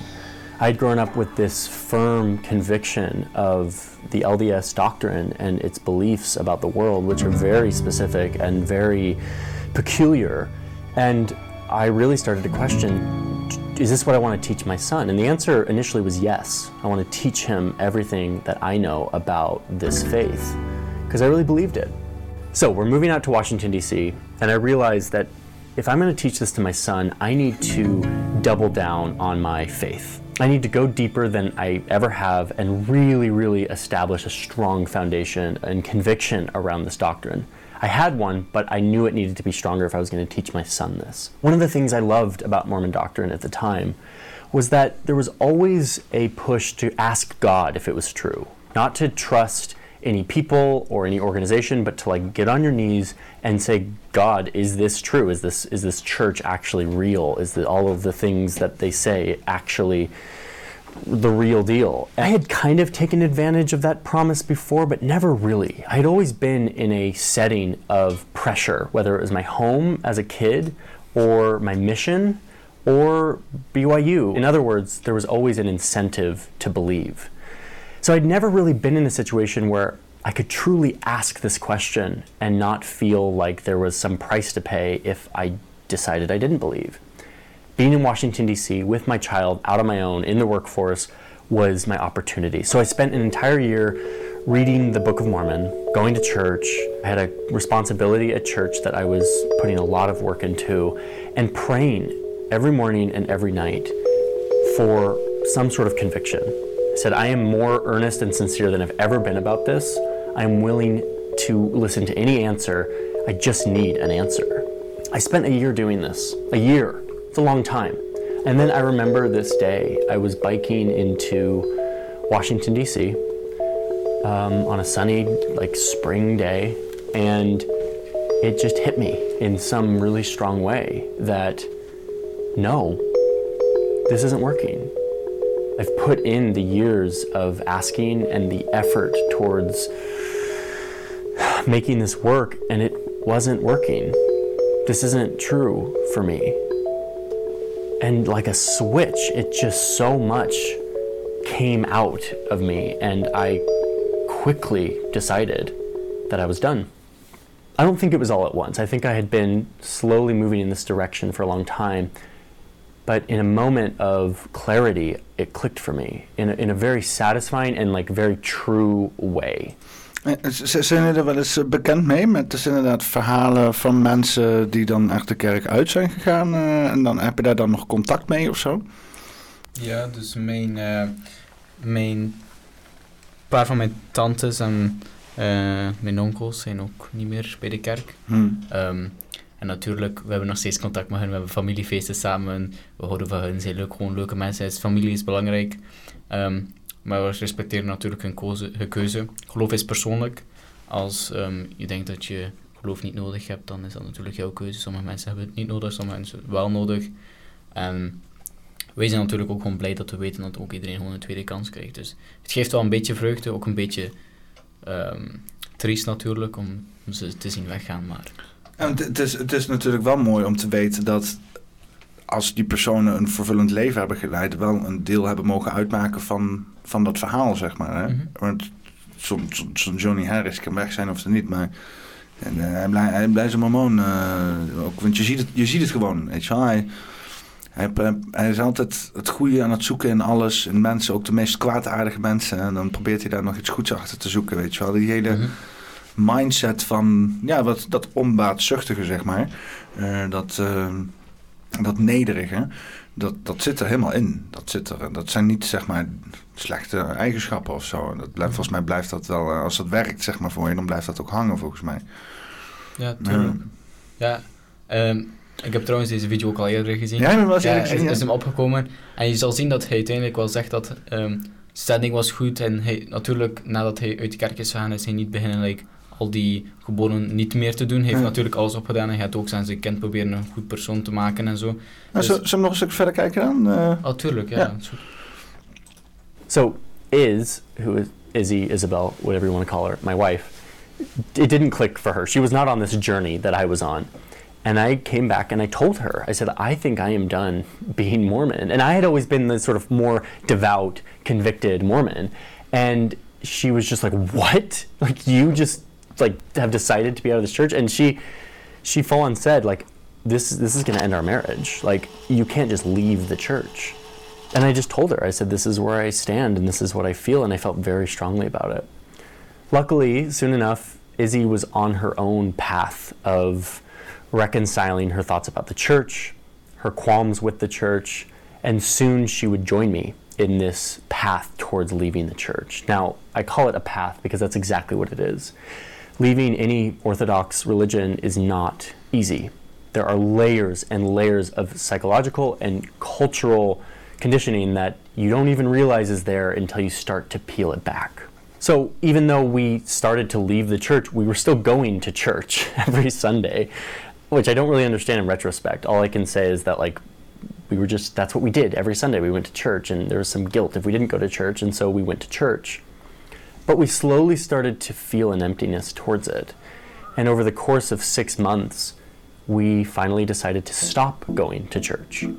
My behavior didn't change all of a sudden. Like, I didn't leave the church so I could start drinking alcohol or coffee or smoking. Like, that was not a part of the agenda for me.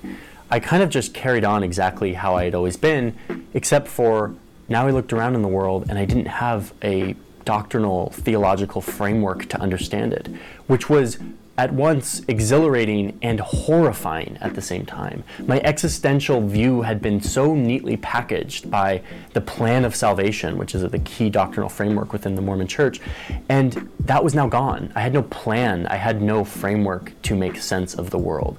Exhilarating, but horrifying. There was also a deep fear of the cultural and social repercussions of my decision most of my friends were still LDS or Mormon. And of course, my family was too. So was Izzy's. And let me just try to give you a perspective on why this is such a big deal. A quick primer on Mormon theology is that our whole purpose in life is to come down here to earth to learn and to grow and to progress and to attain knowledge and to fulfill certain, we call them covenants or rituals there are four of them that are really important to do while you're on earth baptism, confirmation, this hour long ritual inside the temple, and then called the endowment, and then the sealing or marriage. If you can do those four things, then you're in really good shape. You have the knowledge necessary to go back and live in the top tier of heaven. And yes, in Mormon theology, there are multiple tiers of heaven.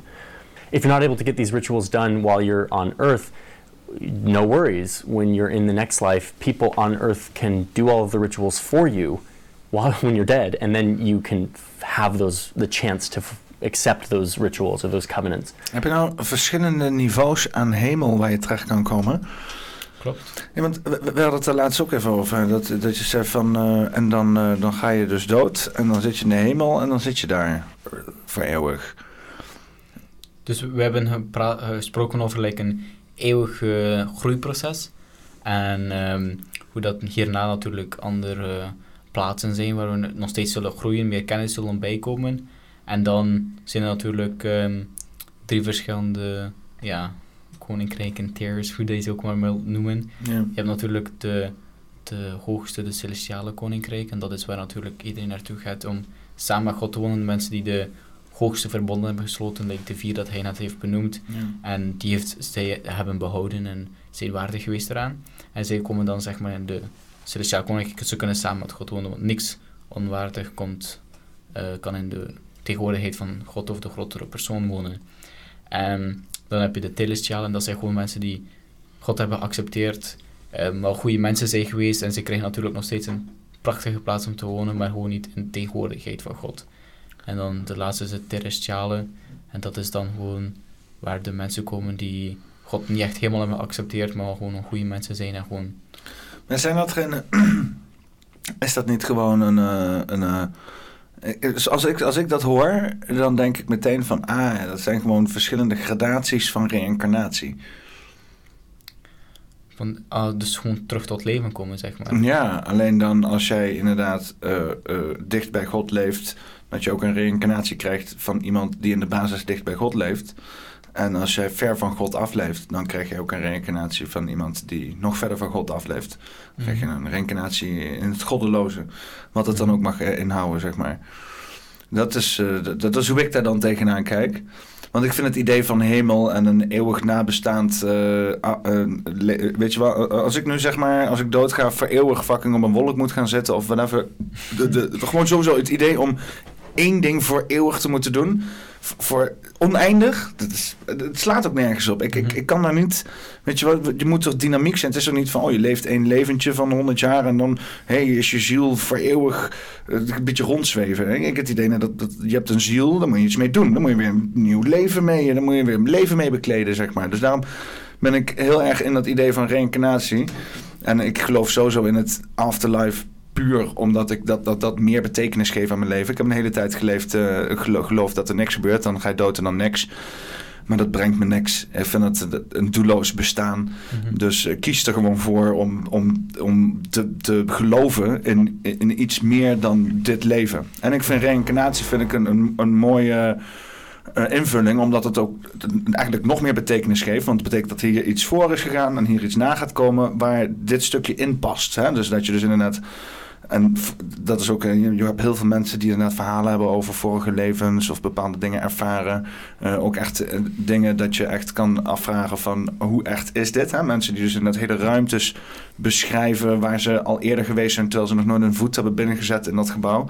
Dus die hebben echt daadwerkelijk herinneringen uit ergens anders vandaan. D- dus ja, d- d- er zijn wel aanwijzingen of aanleidingen om te denken van dat er meer is in dit leven. Hè? Dus dat je, je hebt het leven, maar dan datgene wat jouw eh, lichaam hier ehm, vult, hè, eh, eh, eh, je ziel, eh, dat dat inderdaad gewoon weer een nieuw leven krijgt, dat dat doorgaat. Eh, ik vind het heel prettig om te denken dat we zeg maar allemaal hetzelfde ziel zijn. Hè? Dus eh, jij, bent, jij bent eigenlijk mij, alleen dan 18 jaar oud uit België vanuit de Mo- Moonskerk. En jij bent mij alleen dan eh, ook 18 jaar oud. 20. 20 jaar oud en dan 20 jaar oud uit Amerika, weet je wel, met... maar, maar in principe zijn we dezelfde, dezelfde bewustzijn, zeg maar. En die heeft zichzelf oneindig vaak gedeeld. Net zoals zeg maar als een, een cel complex moet worden, dan gaat het zichzelf delen. Je hebt eerst een blob en dan deelt het zich in 2 en in 4 en dan in 8 en dan in 16 en 32 en dan 64, eh, 128 en dan eh, steeds verder totdat het oneindig complex wordt. Hè? Dan wordt het een complex organisme. Zo ontstaat een foetus, zo ontstaan, zo zijn wij ontstaan. En ik heb het idee dat bewustzijn, hè, dus ons bewustzijn en onze connectie met het grotere bewustzijn, dat het ook dat doet. Hè? Die probeert zichzelf fractaal gewoon in te delen in zoveel mogelijk kleine stukjes om dan oneindig complex te worden, om inderdaad betekenis te krijgen. En wij zijn een deel van het fractaal daarvan. Maar dat betekent als dit leven eindigt, dan gaan we weer zeg maar terug in die massa soort van. Hè? Eh, Dan, dan weten we weer van, oh ja, we zijn dit ene ding.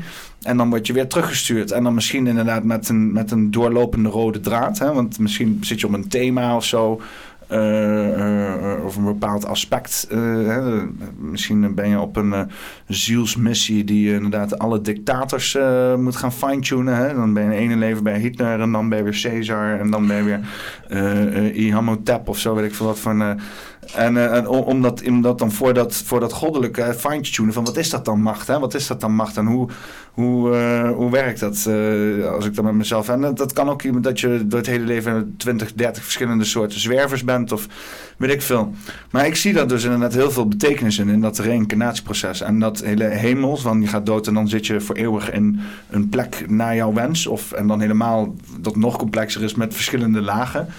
Vind ik altijd een beetje, vind ik, vind ik, vind ik, eh, vind ik naar om over na te denken. Dat ik hierna eeuwig ergens moet zijn of zo. Ja, dus we gaan niet eeuwig gewoon daar zitten en gewoon luisteren naar een harp voor de rest van ons leven. Ja. We ga- dus soort van een beetje hetzelfde like dat je zegt reïncarneren, maar in plaats van dat je iemand anders komt bij je steeds, we geloven dat iedereen een eigen geest heeft, een eigen eh, spirit, Identiteit, ziel. een eigen identiteit, een eigen ziel. En dus we zijn wel hiervoor ergens geweest, we, gelo- we leefden hiervoor met God, ehm in ons, gewoon als een geest, als onze ziel. En God had een lichaam, hij was perfect, hij wist alles. Eh, en hij zei, ik wil dat jullie zoals mij kunnen worden. Ik zal jullie een hele leerproces laten doorgaan, like al die reïncarnaties, al die, allemaal leerproces blijven voor een lange tijd totdat jullie zo, zoals mij kunnen worden. Ja. En dan uiteindelijk hebben een van die dingen om te leren is natuurlijk een lichaam krijgen. Want je kan leren om pijn te doen, je kan leren tussen goed en kwaad, je kan leren om ehm, ziek te worden. Dus het lichaam krijgen is zo'n belangrijk proces in het leven. Dus daarom dat we hier naar de aarde zijn gekomen, door een sluier gaan. Dus we vergeten alles, gereïncarneerd worden, maar je hebt nog steeds dezelfde geest.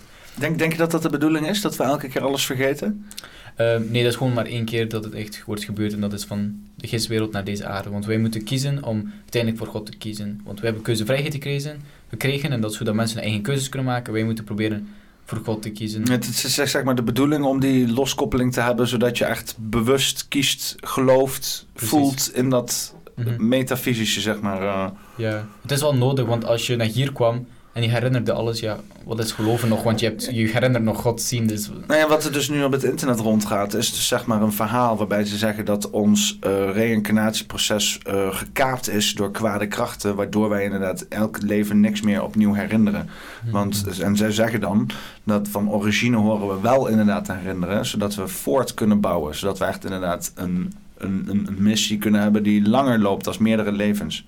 Mhm. En dat het dus nu gekaapt wordt door sectes, whatever, hè? Gekke krachten.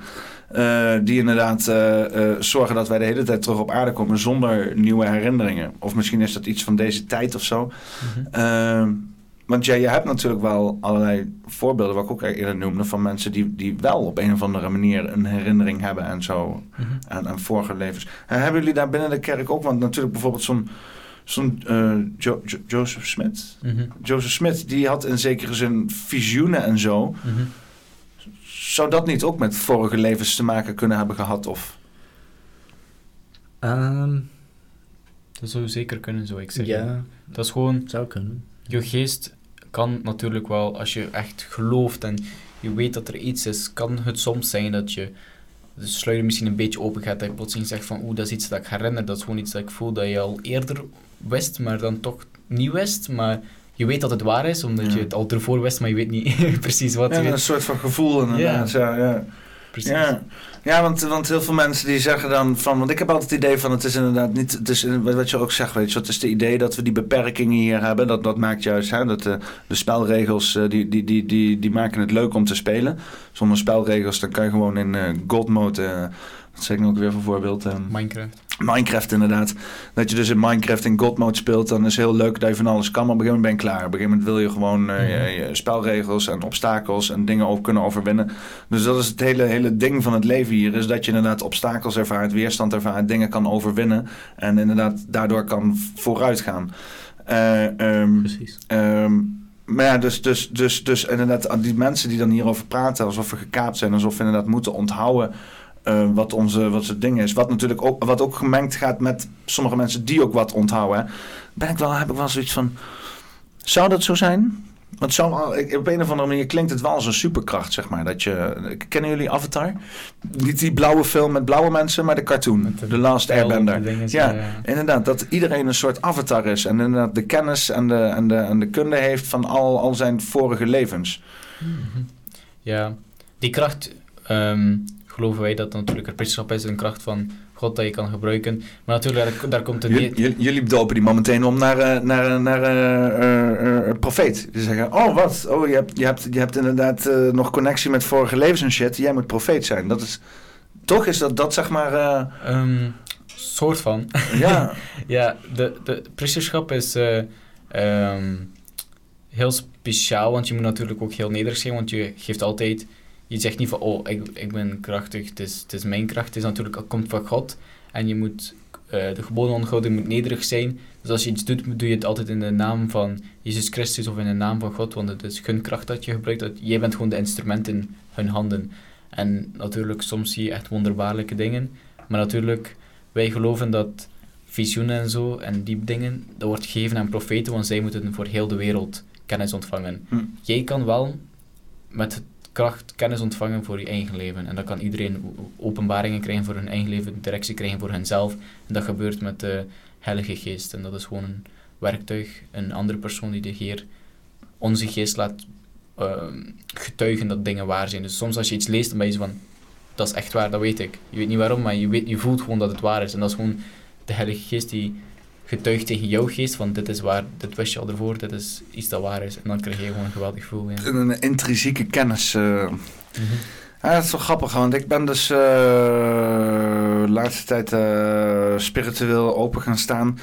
En hebben dus inderdaad allerlei kennis tot me laten komen... waar ik eerst altijd zoiets van had van...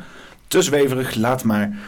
Maar ehm, wat ik merk inderdaad in, in, in gewoon ook de, de, spiritual community... eh, mensen die inderdaad bezig zijn met spiritualiteit... en niet, niet zozeer, want ik ben bijvoorbeeld niet zo heel erg van het dogma. Dat is hè, wat waar eh, Johnny Harris ook een beetje tegenaan liep. Tegen de, dogmatische, het... eh, het ehm, het, het, het moeten, het voorgeschreven zijn. Hè? Terwijl je als mens, naar mijn idee, altijd zelf eigenlijk zoiets hebt van... ja, maar ik, ik wil zelf betekenis geven. Ik wil dit, dit moet mijn verhaal zijn, weet je wel. Niet een, een verhaal van een ander. Dat heb ik. Misschien is het eh, iets wat, wat sommige mensen hebben, laat ik het zo zeggen. Maar eh, ehm, ehm, ik zie wel enorm veel overeenkomsten. Ook inderdaad de, de ondervindingen die ik heb gedaan, eh, de conclusies die ik heb getrokken, mensen die ik heb gesproken, ook inderdaad in het wat bredere spirituele vlak. Dus mensen die gewoon, gewoon eh, weet ik veel, eh, standaard hippie, zweverige shit zijn en zo. Maar die hebben het ook heel veel over, over intrinsieke kennis. Hè? Dus inderdaad, de, de kennis die al in je zit, die, die gewoon van binnenuit komt. De dingen die je voelt, de dingen, het onderbuikgevoel, dat soort zaken. Eh, ja, dat zijn ook wel zaken die, als ik dat zo hoor, waar, waar toch wel veel waarde aan wordt gehecht. eh, Precies, ja. ja. Dat is heel belangrijk. heeft veel te maken met onze voorbestaan, zeg maar. Voordat we hier naar aarde kwamen, woonden we in de tegenwoordigheid van God en als onze geest. En hij had deze plan, dit plan voor ons gelegd. En zei, oké, je kan kiezen om dit plan te volgen. En dus iedereen die op aarde is, had al een keus gemaakt om die plan te volgen. Van, van deze eeuwig proces van leren en verbeteren. En dus, Een, een, een zielsmissie is dat, zeg maar.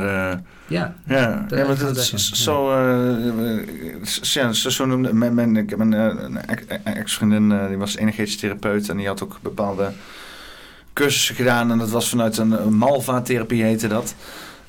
Maar die, hebben het ook, die hebben het ook constant over inderdaad een zielsmissie. Hè? Je komt hier inderdaad op deze, op deze gehaktbal met, met, met een bepaalde, ja, wat- ik ik zei, een thema of zo, die, die je moet gaan oplossen. En, maar je, hebt dan, je krijgt dan niet, zeg maar, je, je krijgt niet het blaadje van wat dan, wat dan de missie is of zo, weet je. Je wordt hier gewoon gedumpt. Je moet eerst uitzoeken wat het is, eh, waarom je hier bent, wat er dan te doen valt. En dan kan je pas eigenlijk beginnen aan, aan daadwerkelijk eh, hetgeen wat je moet doen, zeg maar. Maar die eerste drie stappen, dat is al, eh, dat is al, al 30 jaar van je leven, bij wijze van spreken. Dus, eh, eh, maar ja, dat, dat komt dus hier ook gewoon terug. Hè? Je komt hier inderdaad met een ding te doen, zeg maar. Dat is wat heel veel mensen natuurlijk helemaal niet ervaren. En, en eh, hè, die zijn inderdaad, eh, die komen hier in een, een leven van, eh, van materialisme en commercialisme. Die zijn hier gewoon om, ja, ik weet niet hoe ze het zelf willen noemen, te zijn, te voldoen aan de verwachtingen. Hè, te werken, te, geld te verdienen, status, maatschappelijke bevestiging. alle dingen die hun geïndoctrineerd zijn vanuit... eh, dan wel de familie, dan wel niet de commerciële instellingen, dan wel niet de overheid. eh, wat ze allemaal niet moeten doen. En heel veel mensen hebben helemaal geen gevoel dat ze hier inderdaad met een voorbestemmelijke reden zijn. Hè? Heel veel mensen hebben zoiets van: eh, het bestaat allemaal uit toeval en, en we doen maar wat. En, en dat is in zekere zin ook waar. We doen ook zeker allemaal maar wat. Maar het heeft geen betekenis. En dat is wel iets wat nu op een gegeven moment volgens mij een beetje is uitgespeeld. Want we zijn in Nederland zijn we hier wel de koploper en eh, progressief zijn van de hele wereld. En eh, weet je wel, religie af, eh, afschaffen, dat is een vrij progressief ding. Hè, al sinds de, de, de, de renaissance bij wijze van spreken. Maar het, het, het, eindigt, het eindigt niet in, in, in een vervullend leven. Hè? Je, moet, je moet gewoon betekenis geven. Je kan niet zeggen dat je hier zit omdat het een toevalligheid is. Dan, dan, dan, dan stort je in een of andere nihilistische neerwaartse spiraal van betekenisloosheid. Waar je, waar je gewoon niet meer uit gaat komen. Waar ook niks productiefs uitkomt volgens mij. Precies. Ja, wij geloven heel het proces dat je zei. Het staat niet op een papiertje wat je precies moet doen. Maar wij geloven wel dat er ehm, een soort van vijf stappen zijn dat we moeten proberen te volbrengen op deze aarde. En natuurlijk de eerste stap is geloven in, in God en in Jezus Christus. Geloof hebben in hun. Like, geloof hebben in iets anders. Je weet wel iets vinden dat bij jou past. En bij ons is dat geloof hebben in Jezus Christus en proberen een connectie met hun te vinden.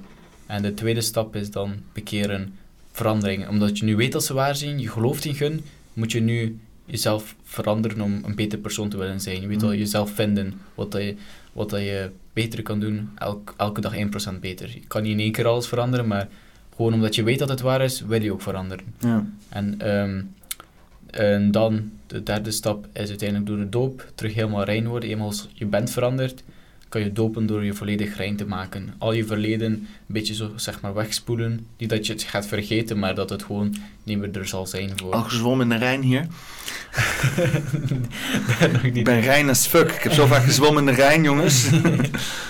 Dus ja, en Dat is goed. Ma maat van mij, eh Stef, die, ik, eh, die heb ik gisteren... eh, dus, nou, als het uitgezonden wordt, eh, is het dan weer volgende week. Maar eh, gisteren heb ik in de podcast gehad, biochemicus. En eh, hij heeft het ook gehad over, eh, wat is dat dingen wat ik liet zien, eh, bio kwantummechanica. Quantum, nee, kwantumbiologie. Dus dat is kwantumtechnologie op biologisch niveau. Dat is echt, dat is- ja, dat, is- ja, ik kwam daarmee, het was nog helemaal nieuw voor mij, maar... Maar eh, eh, een van de dingen waar hij over praat is over eh, het ontladen van jezelf. Als je in een natuurlijk meer ehm, springt. Hè? Dus als je inderdaad in een, eh, niet, niet een zwembad of in je badkuip of zo. Maar gewoon in in een rivier of inderdaad in een meer. Want het is een soort van aardpoel gevuld met allerlei soorten mineralen die interactie hebben met je, met je lichaam. Hè? Dat is inderdaad ook bijvoorbeeld het dopen, het baptisme. Oh, Vroeger werd het ook wel eens gedaan in de rivier en zo. Eh, en dat dat dus inderdaad toch eigenlijk een bepaalde uitwerking heeft op je lichaam. Dat dat echt onderschat wordt. Het is niet zo van, oh je springt in een, eh, een meer en het enige wat je krijgt is eh, allemaal uitslag met blauwalg. Nee, je bent, je bent letterlijk aan het aarden met deze planeet op een zeer intensieve manier. Omdat het alomvattend is om je lichaam. En inderdaad ook die, dat water zit helemaal vol met, met, met bepaalde stoffen die dat ook bevorderen op een of andere manier. Dus wel, eh, Ja. dat zijn wel interessante dingen inderdaad. Ja. Dat, is- dat is heel mooi. Ja, natuurlijk wordt het ook gewoon heel vaak symbolisch zien van de rij maken, maar heel cool dat je daar ook biologisch kan bij nadenken. Toch wel een soort van klopt. Dus Ja. Heel mooi. Ja, het is wel grappig, deze tijd waar we nu in leven. Waarbij we dus inderdaad een soort van ehm, wetenschap hebben uitgespeeld, hè, feitelijk. En we komen nu op een niveau van, van, van kwantumfysica, wat bijna metafysisch ook is. En wat heel veel overeenkomsten met dat metafysische heeft. Eh, de dingen zijn niet zoals ze lijken. Bepaalde zaken zijn beïnvloedbaar door waarneming. Eh, tijd is geen factor. Lichtsnelheid is geen factor. Het, het zijn allemaal, ja, het is bijna een, een magische wereld, die hele kwantumwereld. En je, je ziet gewoon heel veel tradities die we hebben gedaan als, als mensen door de oudheid heen, die inderdaad eruit zien als een beetje raar als je daar inderdaad gewoon heel praktisch over nadenkt. Nu, als je daar kwantumfysica bij be- be- betrekt en helemaal inderdaad kwantumbiologie, kijk wat dus inderdaad de processen zijn echt op het kwantumniveau rondom ons lichaam, hoe bepaalde mineralen met ons interactie bieden, hoe dat inderdaad op wordt genomen in ons lichaam en hoe daar celactiviteit van wordt bevorderd en dat soort zaken. Dat er inderdaad heel veel tradities zijn uit de oudheid die inderdaad echt bevordering daarvoor geven. Hè? En dat dus inderdaad het echt lijkt alsof dat, dat soort tradities echt voortgezet zijn uit een tijd waarin we daadwerkelijk wisten waar de fuck we over praten. Want tegenwoordig, want dat is het een beetje met religie. Mensen doen het omdat het ze gezegd wordt. Hè? Het staat geschreven, maar echt de... de, de hè, dan wordt het vaak uitgelegd in cryptisch. Ja, dichter bij God, dichter bij dingen en zo. Maar de, echte essentie ervan is een beetje verloren gegaan. Dat is ook niet raar, want we, er gaan duizenden jaren overheen. Dus, dus het feit dat we überhaupt nog informatie bevast weten te houden... is al indrukwekkend genoeg. Maar we zitten nu in een tijd waarbij dus inderdaad dit soort tradities... eh, klassiek gedrag... eh, bepaalde acties die gedaan werden, worden, worden bevestigd als van... hé, hey, dit wordt inderdaad gedaan in de naam van God of christendom of whatever. Maar dit heeft echt benefici- beneficiale... dit heeft echt bijdrage aan de gezondheid van de mens... of de mentale gezondheid van de mens. En dat, dat, is, dat is wel leuk. Eh, je, je ziet ook inderdaad dat dat... dat de mentale gezondheid... eh, in, deze, in deze progressieve wetenschappelijke toestand, dat het, dat het eigenlijk heel erg achteruit gaat. Omdat mensen, ja, dat zien we met die hele pandemie. Is dat zo, eh, de pandemie, ik moet het eigenlijk niet zo noemen, want dan word ik eh, van YouTube verwijderd. Het ding waar we niet over mogen praten. Wat we daar zien is dat inderdaad mensen heftig tekort gaan aan betekenis. Eh, en dat eh, betekenis gewoon een, een hele erge eh, bevordering is voor de mentale toestand van iemand. Dat als iemand weinig betekenis heeft, ja, ze gewoon depressief worden. En dan een keer er eindeloos veel pillen in stoppen, maar dat wordt niet beter voor de gezondheid. Wat je beter kan doen is betekenis aan je leven geven, geen pillen slikken en dan, hè, dan ben je al eh, 120% beter bezig. En dat is nu een tijd waar we in leven. Mensen zijn ook op zoek naar betekenis. Dus als het goed is, zou je, zou je, zou je genoeg mensen moeten kunnen vinden die eh, misschien wel eh mormonen eh, ook wel zien zitten, zeg maar. Hebben, hebben, jullie al- hebben jullie al mensen gehad die zoiets hebben van... hé, hey, dit wil ik wel. Tuurlijk. Hebben, hebben jullie al mensen geconverteerd? Convert. Hololo. hebben jullie Age of Empires gespeeld? Ken je dat? Ehm, nee, ik was meer Clash of Clans. eh Ah. Supercell. dus- Nou ja, oké. nou, het is een beetje datzelfde inderdaad. Ja, Age of Empires. Maar dan had je dus een, eh, een, een poppetje. Dat was een priester. Moest je een heel gebouw verbouwen. Een tempel. En dan kon je daar één priester uithalen. Kost een hoop goud altijd. En die priester kon je dan in, eh, in gevecht inzetten. En die ging dan je spelers converteren. Dus dan heb je een rood poppetje. Maar die, en dan ging hij erbij staan en zei hij... Wololo, wololo. En dan werd hij blauw. En dan kon hij voor jou vechten. Dat is de ultieme convert. Wololo. Ja. Misschien moeten we dat proberen. Bij mensen gaan staan. Wololo. Ja. Ja, als, je, als je toevallig een, eh, een Age of Empires speler naast je hebt staan en je gaat, gaat na, inderdaad na een gesprek eh, en dan eruit komt van eh, ja, sorry, maar je gaat me niet converteren en dan inderdaad in één keer uit het niet zegt wololo, ik denk dat je hem instant binnen hebt gewoon. Van direct, ja. Weet je, alles wat je hebt gezegd is nu valide. ja. Ja, ja maar ehm, het gebeurt wel natuurlijk. Mensen, eh, eh, er zijn wel veel mensen nu gaan het, ehm, ja, ik zou niet zeggen onderwijzen, gewoon aan het helpen om een betere connectie met God te hebben, want geloof is persoonlijk. Dus natuurlijk, wij proberen hun eh, dichter bij God, te brengen, zodat ze uiteindelijk hun eigen keuzes kunnen maken. Wij zeggen niet wat ze moeten doen, we helpen gewoon voor hunzelf om iets te vinden dat zij zelf kiezen om te doen. En dat is gewoon het belangrijke. Dus we zeggen van ja, ehm, bijvoorbeeld, we kunnen gemakkelijk zeggen tegen iemand, jij moet gaan bidden, maar we zeggen meer van, hoe denk jij dat jij kan communiceren met God? En dan zeggen ze misschien bidden, mediteren, eh, soms is het gewoon even nadenken, wandeling maken. En dan zeggen we, oké, je hebt al die opties, welke denk je dat het meest effectief zal zijn? En dan, Ja. en dan uiteindelijk maken ze hun eigen beslissingen, hoe dat zij dichter bij God kunnen brengen, God kunnen komen, bij Jezus kunnen komen, een betere connectie hebben. En soms gebeuren er natuurlijk ook wonderen dat we zeggen van, dat we gewoon iets zeggen en dan waren ze van, wow, dat ik precies nodig. En dan is het gewoon een bevestiging van, ja, dat is een goed gevoel, eh, dat is iets dat ik bij wil zijn. Ja, soms is het gewoon, on, hoe zeg je dat, onwoordelijk. On, ja. En dan zit, je, dan zit je in die flow staat. Dan ben je, dan ben je dichtst bij het universum. En dan Ja. eh, gebeuren de dingen die gewoon hadden moeten zijn op een of andere manier. Precies, ja. Ja. Ja, ik, ik ervaar dat ook wel inderdaad. eh, ik noem dat, eh, men noemt dat, en ik, ik heb dat overgenomen, synchroniciteiten. Een bepaalde gevoel dat zaken bij elkaar komen, dat het klopt. Hè, dat ook, ook dingen vanzelf gaan. Dat je niet onnodig veel moeite moet hebben eh, doen om, om iets voor elkaar te krijgen. En dat het eh, tot je komt. Ja, dat is wel dat is een hele fijne staat van zijn. Ik heb wel het gevoel dat, dat heel veel mensen inderdaad echt aan het worstelen zijn met het leven. aan het struggelen zijn. Die willen heel veel dingen, maar krijgen het niet voor elkaar. Eh, eh, maar vluchten in, in een of andere ja, inderdaad, betekenisloosheid. Die, eh, waar, waar, waar geen, geen ja, eindeloos is. Eindeloze betekenisloosheid. Klinkt niet. dat is een, een persoonlijke hel, weet je wel. Mensen waar die zich inderdaad opsloten een persoonlijke hel van een baan waar ze niet willen zijn, met mensen waar ze niet willen zijn, in een, in een, een, een huis waar ze, waar ze maar neergezet zijn en totaal geen controle hebben over hun leven. En ja, er zijn veel mensen, er zijn veel mensen tegenwoordig. En, ehm, en ehm, ja, als je zeg maar al je perspectief kan veranderen hè, en inderdaad jouw intrinsieke motivatie en inderdaad de kennis die in jou zit kan activeren naar iets wat, wat, je, wat jou kan helpen, dan ben je al heel ver. Hm. En, en, en ehm, ik zal nooit een religie aanraden, want ik ben helemaal niet van de religie en doctrine. Maar dat komt omdat ik ook een eigen eigenwijs stuk vreten ben die altijd gewoon alles zelf wil doen. Dus een clubje mensen, dat is altijd bij mij eh, een beetje... Dat is- werkt niet zo goed. Maar er zijn ook mensen die gewoon iets meegaander zijn en zo, weet je wel. Die gewoon wel gewoon met andere mensen in een ruimte kunnen zijn. En eh, ja, volgens mij voor dat soort mensen is inderdaad bepaalde eh, religie, of het dan christendom is, maar ook bijvoorbeeld, want ik denk dat heel veel mensen nooit van jullie hebben gehoord. Nooit. Die weten niet eens van jullie bestaan af. Hè? Want ik heb dan South Park gekeken en dat is dus lof naar inderdaad die gasten. En eh, dat verwacht je niet, hè? Dat je dan South Park kijkt als uh, obscene programma en dat je dan iets leert over religie of zo. Hè? Maar dat was wel wat er gebeurd is. Dus Ja. zo slecht zijn die mensen nog niet.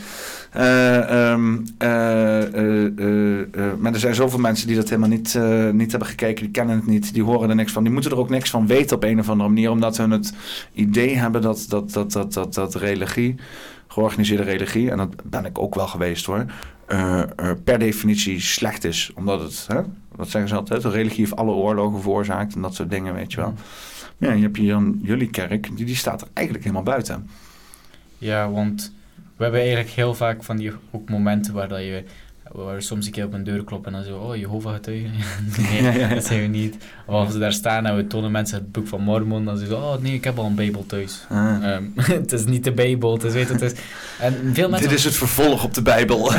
het is- ze werken samen. En Bijbel ja, 2.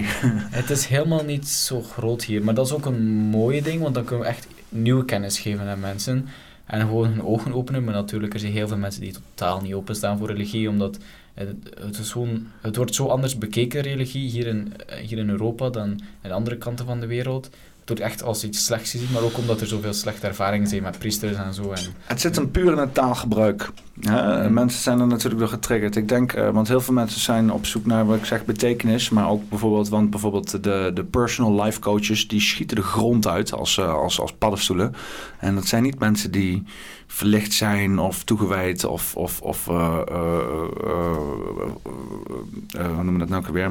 Met discipline een bepaald le- levensaspect benaderen. Dat zijn gewoon mensen die een kans pakken en die gaan er gewoon voor. En, en die lopen dan andere mensen te adviseren over allerlei obscure zaken of abstracte zaken.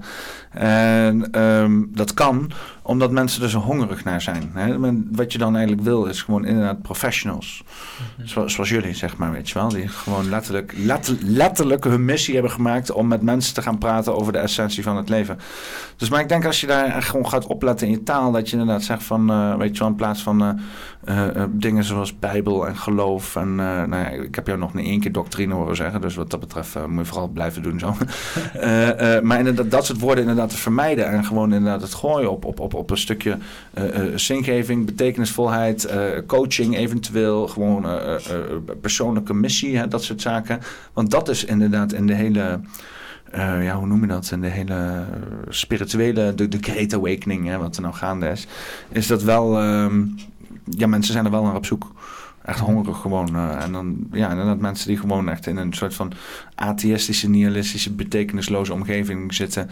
En in die, ja, zodra er iemand in een oor fluistert van, hey, wil jij aansluiting met het universum? Nou, ik denk dat er wel oren naar zijn, ja. En, en dingen zoals God is altijd, ja, Precies. het is, is, is geladen is dat. Hè? Mensen hier in Nederland vooral. Als je God zegt tegen iemand, dan gaan er meteen haren overeind en dan rennen ze gillend weg zo. Ja. Dus eh, weet je wel, maar ik denk als je bijvoorbeeld een God vervangt door inderdaad eh, bepaalde eh, woorden met dezelfde betekenis, dat je best wel, Mm.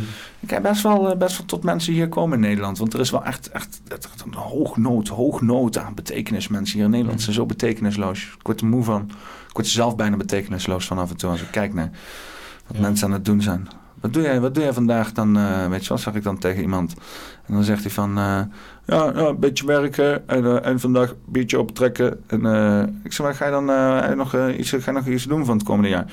Ja, nou, als ik de rekening kan betalen is het goed. Zeg, de rest van je leven dan? Ga je nog wat, ga je nog wat doen? Ja, nee, ja, gewoon eh, lachen, een beetje feesten. Hè, en, eh, wat is het, een eh, dag niet, eh, liever, een, eh, eh, liever te vroeg in de kist dan een eh, feestje gemist. Weet je wel, dat soort uitspraken en zo. En eh, het, is- leuk, het klinkt leuk en eh, ik snap het, je moet ook genieten van het leven. Maar eh, het, het, het, het, ontbreekt gewoon enige vorm van betekenis wat dat betreft, eh, vind ik zelf altijd. Hallo? Ik dacht dat ik echt hoorde van mezelf, hoor dat ook? Of niet? eh? Nee, Kan ik- ik wel ik- horen. Ja, dat is goed. Ja. en ik hoorde zelf iets en toen zag ik je aan je koptelefoon. Ik denk, hé, hey, hoor jij dat ook? Maar ik weet niet of jij hetzelfde hoorde als mij. Nee, nee. Maar, eh, maar ja, dus, eh, dus jullie missie. Ja, ik, eh, ik, eh, ik, ik, ik, eh, hoe lang heb je nog? Hoe lang moet je nog hier? eh, Ehm, ja, ik ben nog maar... hoe lang heb je nog? Niet hoe lang moet je nog? Hoe lang heb je nog? Eh, 22 maanden. In principe bijna gewoon nog volledig twee jaar. Ja. Dat is mijn eerste gebied hier. Ja. Ja, Dus, ja. want je bent echt net begonnen gewoon. ik ben nog maar net begonnen. dan wel goed dat je hier begint. Precies. Ja, ja lachen man. Nou, ik, ik, ik moet misschien, eh, eh, als je aan het eind van je missie bent, misschien eh, weer even contact opzoeken. Of in ieder geval. En dan, want ik ben wel benieuwd hoeveel, hoeveel zielen je hebt gered. Uit de klauwen van de duivel. Nee, ja, het, het, lijkt, het lijkt me wel leuk om, eh, om eh, weer eens een keer een voortgang. eh, want je bent, ja, vooral helemaal als je uit Zuid-Afrika en zo. eh, dat lijkt me wel, want is, daar, daar is ook een hoop dingen gaande, hè, Zuid-Afrika. Dat is ook eh, een grote sociale Ja. clusterfuck. eh. Heel speciaal. Geïnitieerd door de Nederlanders. Helemaal anders. Dan Heel speciaal ding. Mijn vader en mijn onkel zijn daar geweest en het is totaal anders werk dan hier. dus eh, ja, ja heel, je ziet hardere dingen, maar ook mo- zo, je ziet ergere dingen, maar ook meer wonderbaarlijke Ja, dingen. ja. Het is eh, contra contra. Ja, maar dat, ja. dat, dat is het ding, hè. Als je het afvlakt, dan, dan vlak je het af. En dat is in Zuid-Afrika een soort van losgelaten. Er gebeuren inderdaad de vreselijkste dingen, maar dat geeft ook de kans om juist in alle vreselijke dingen te excelleren in goedheid. Hè? Want als er verder niks slechts gebeurt, kan je ook niet excelleren in goedheid. Als alles geregeld is en iedereen doet het juiste, hoe kan je dan nog excelleren in goedheid? Kan niet. Mhm. Dan, daar gaat alles goed, dus daar hoef je niet goed te zijn. Dat gaat al goed.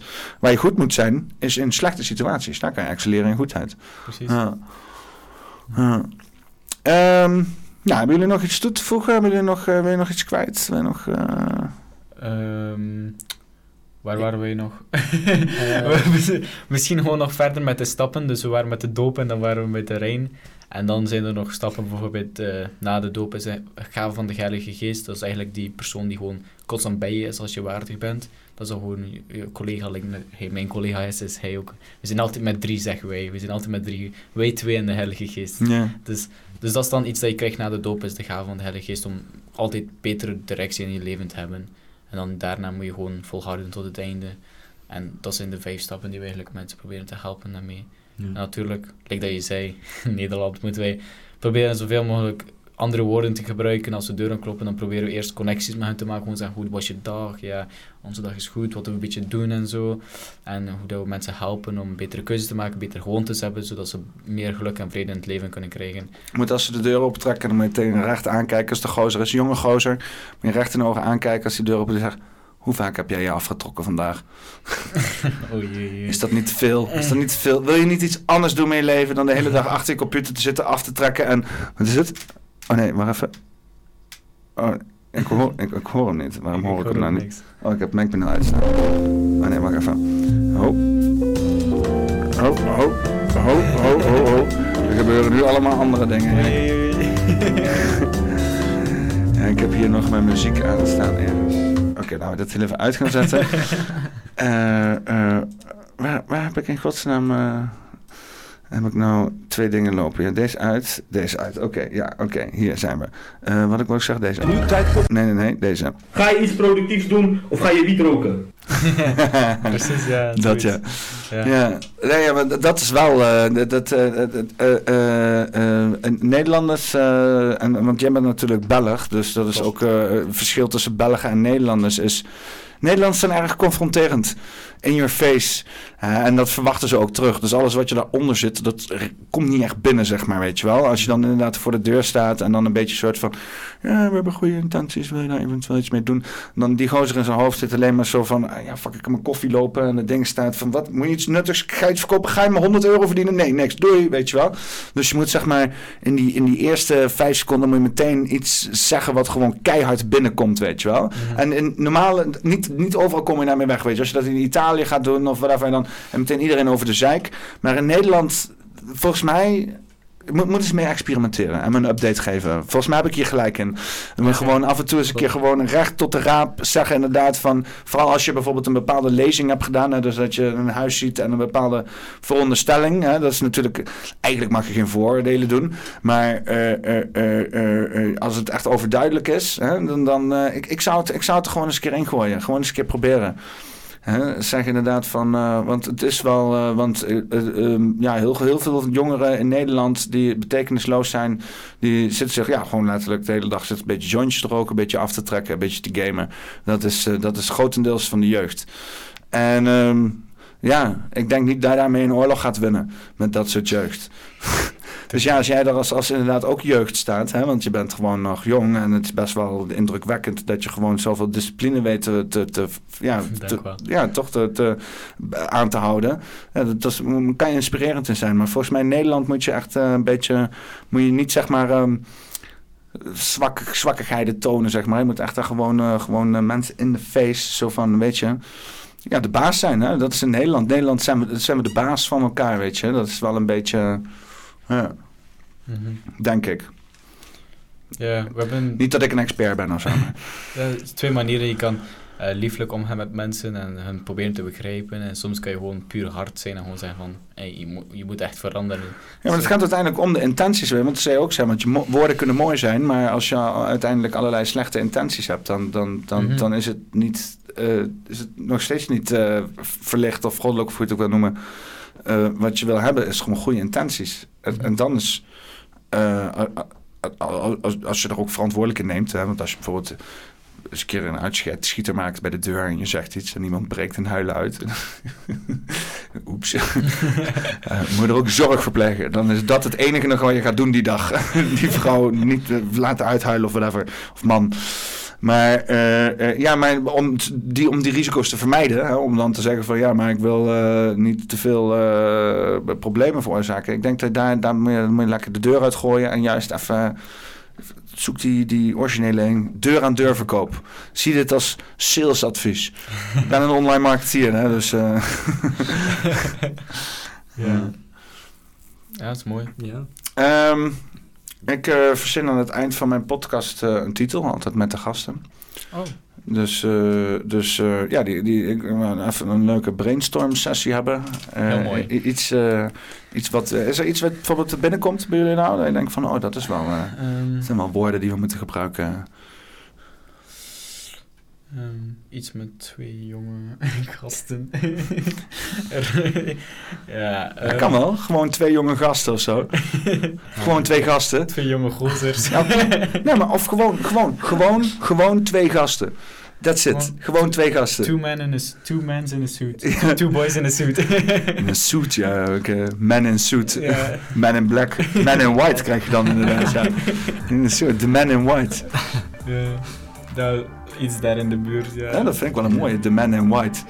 Dat is inderdaad, want je hebt de, de man in black, hè, die komen voor obscure zaken van de overheid. Maar jullie zijn de man in white. Jullie komen voor zaken van het licht. Zaken die niet obscuur zijn. Ja. Dus young man in white, want we zijn niet zo heel Ja, man, ja. man nog. Jonge mannen.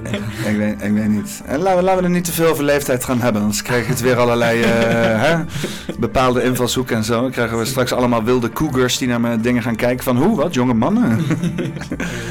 Nee, ik vind het The Man in White vind ik wel een mooie. Man in White. Ja, Is goed, zijn we ja. akkoord? Helemaal goed. Helemaal goed. Dan eh, is dit eh poppenkast nummer 103 met Adam en Amon. The Man in White. Perfect. Ja, dankjewel. Dankjewel. Dank wel, Monster.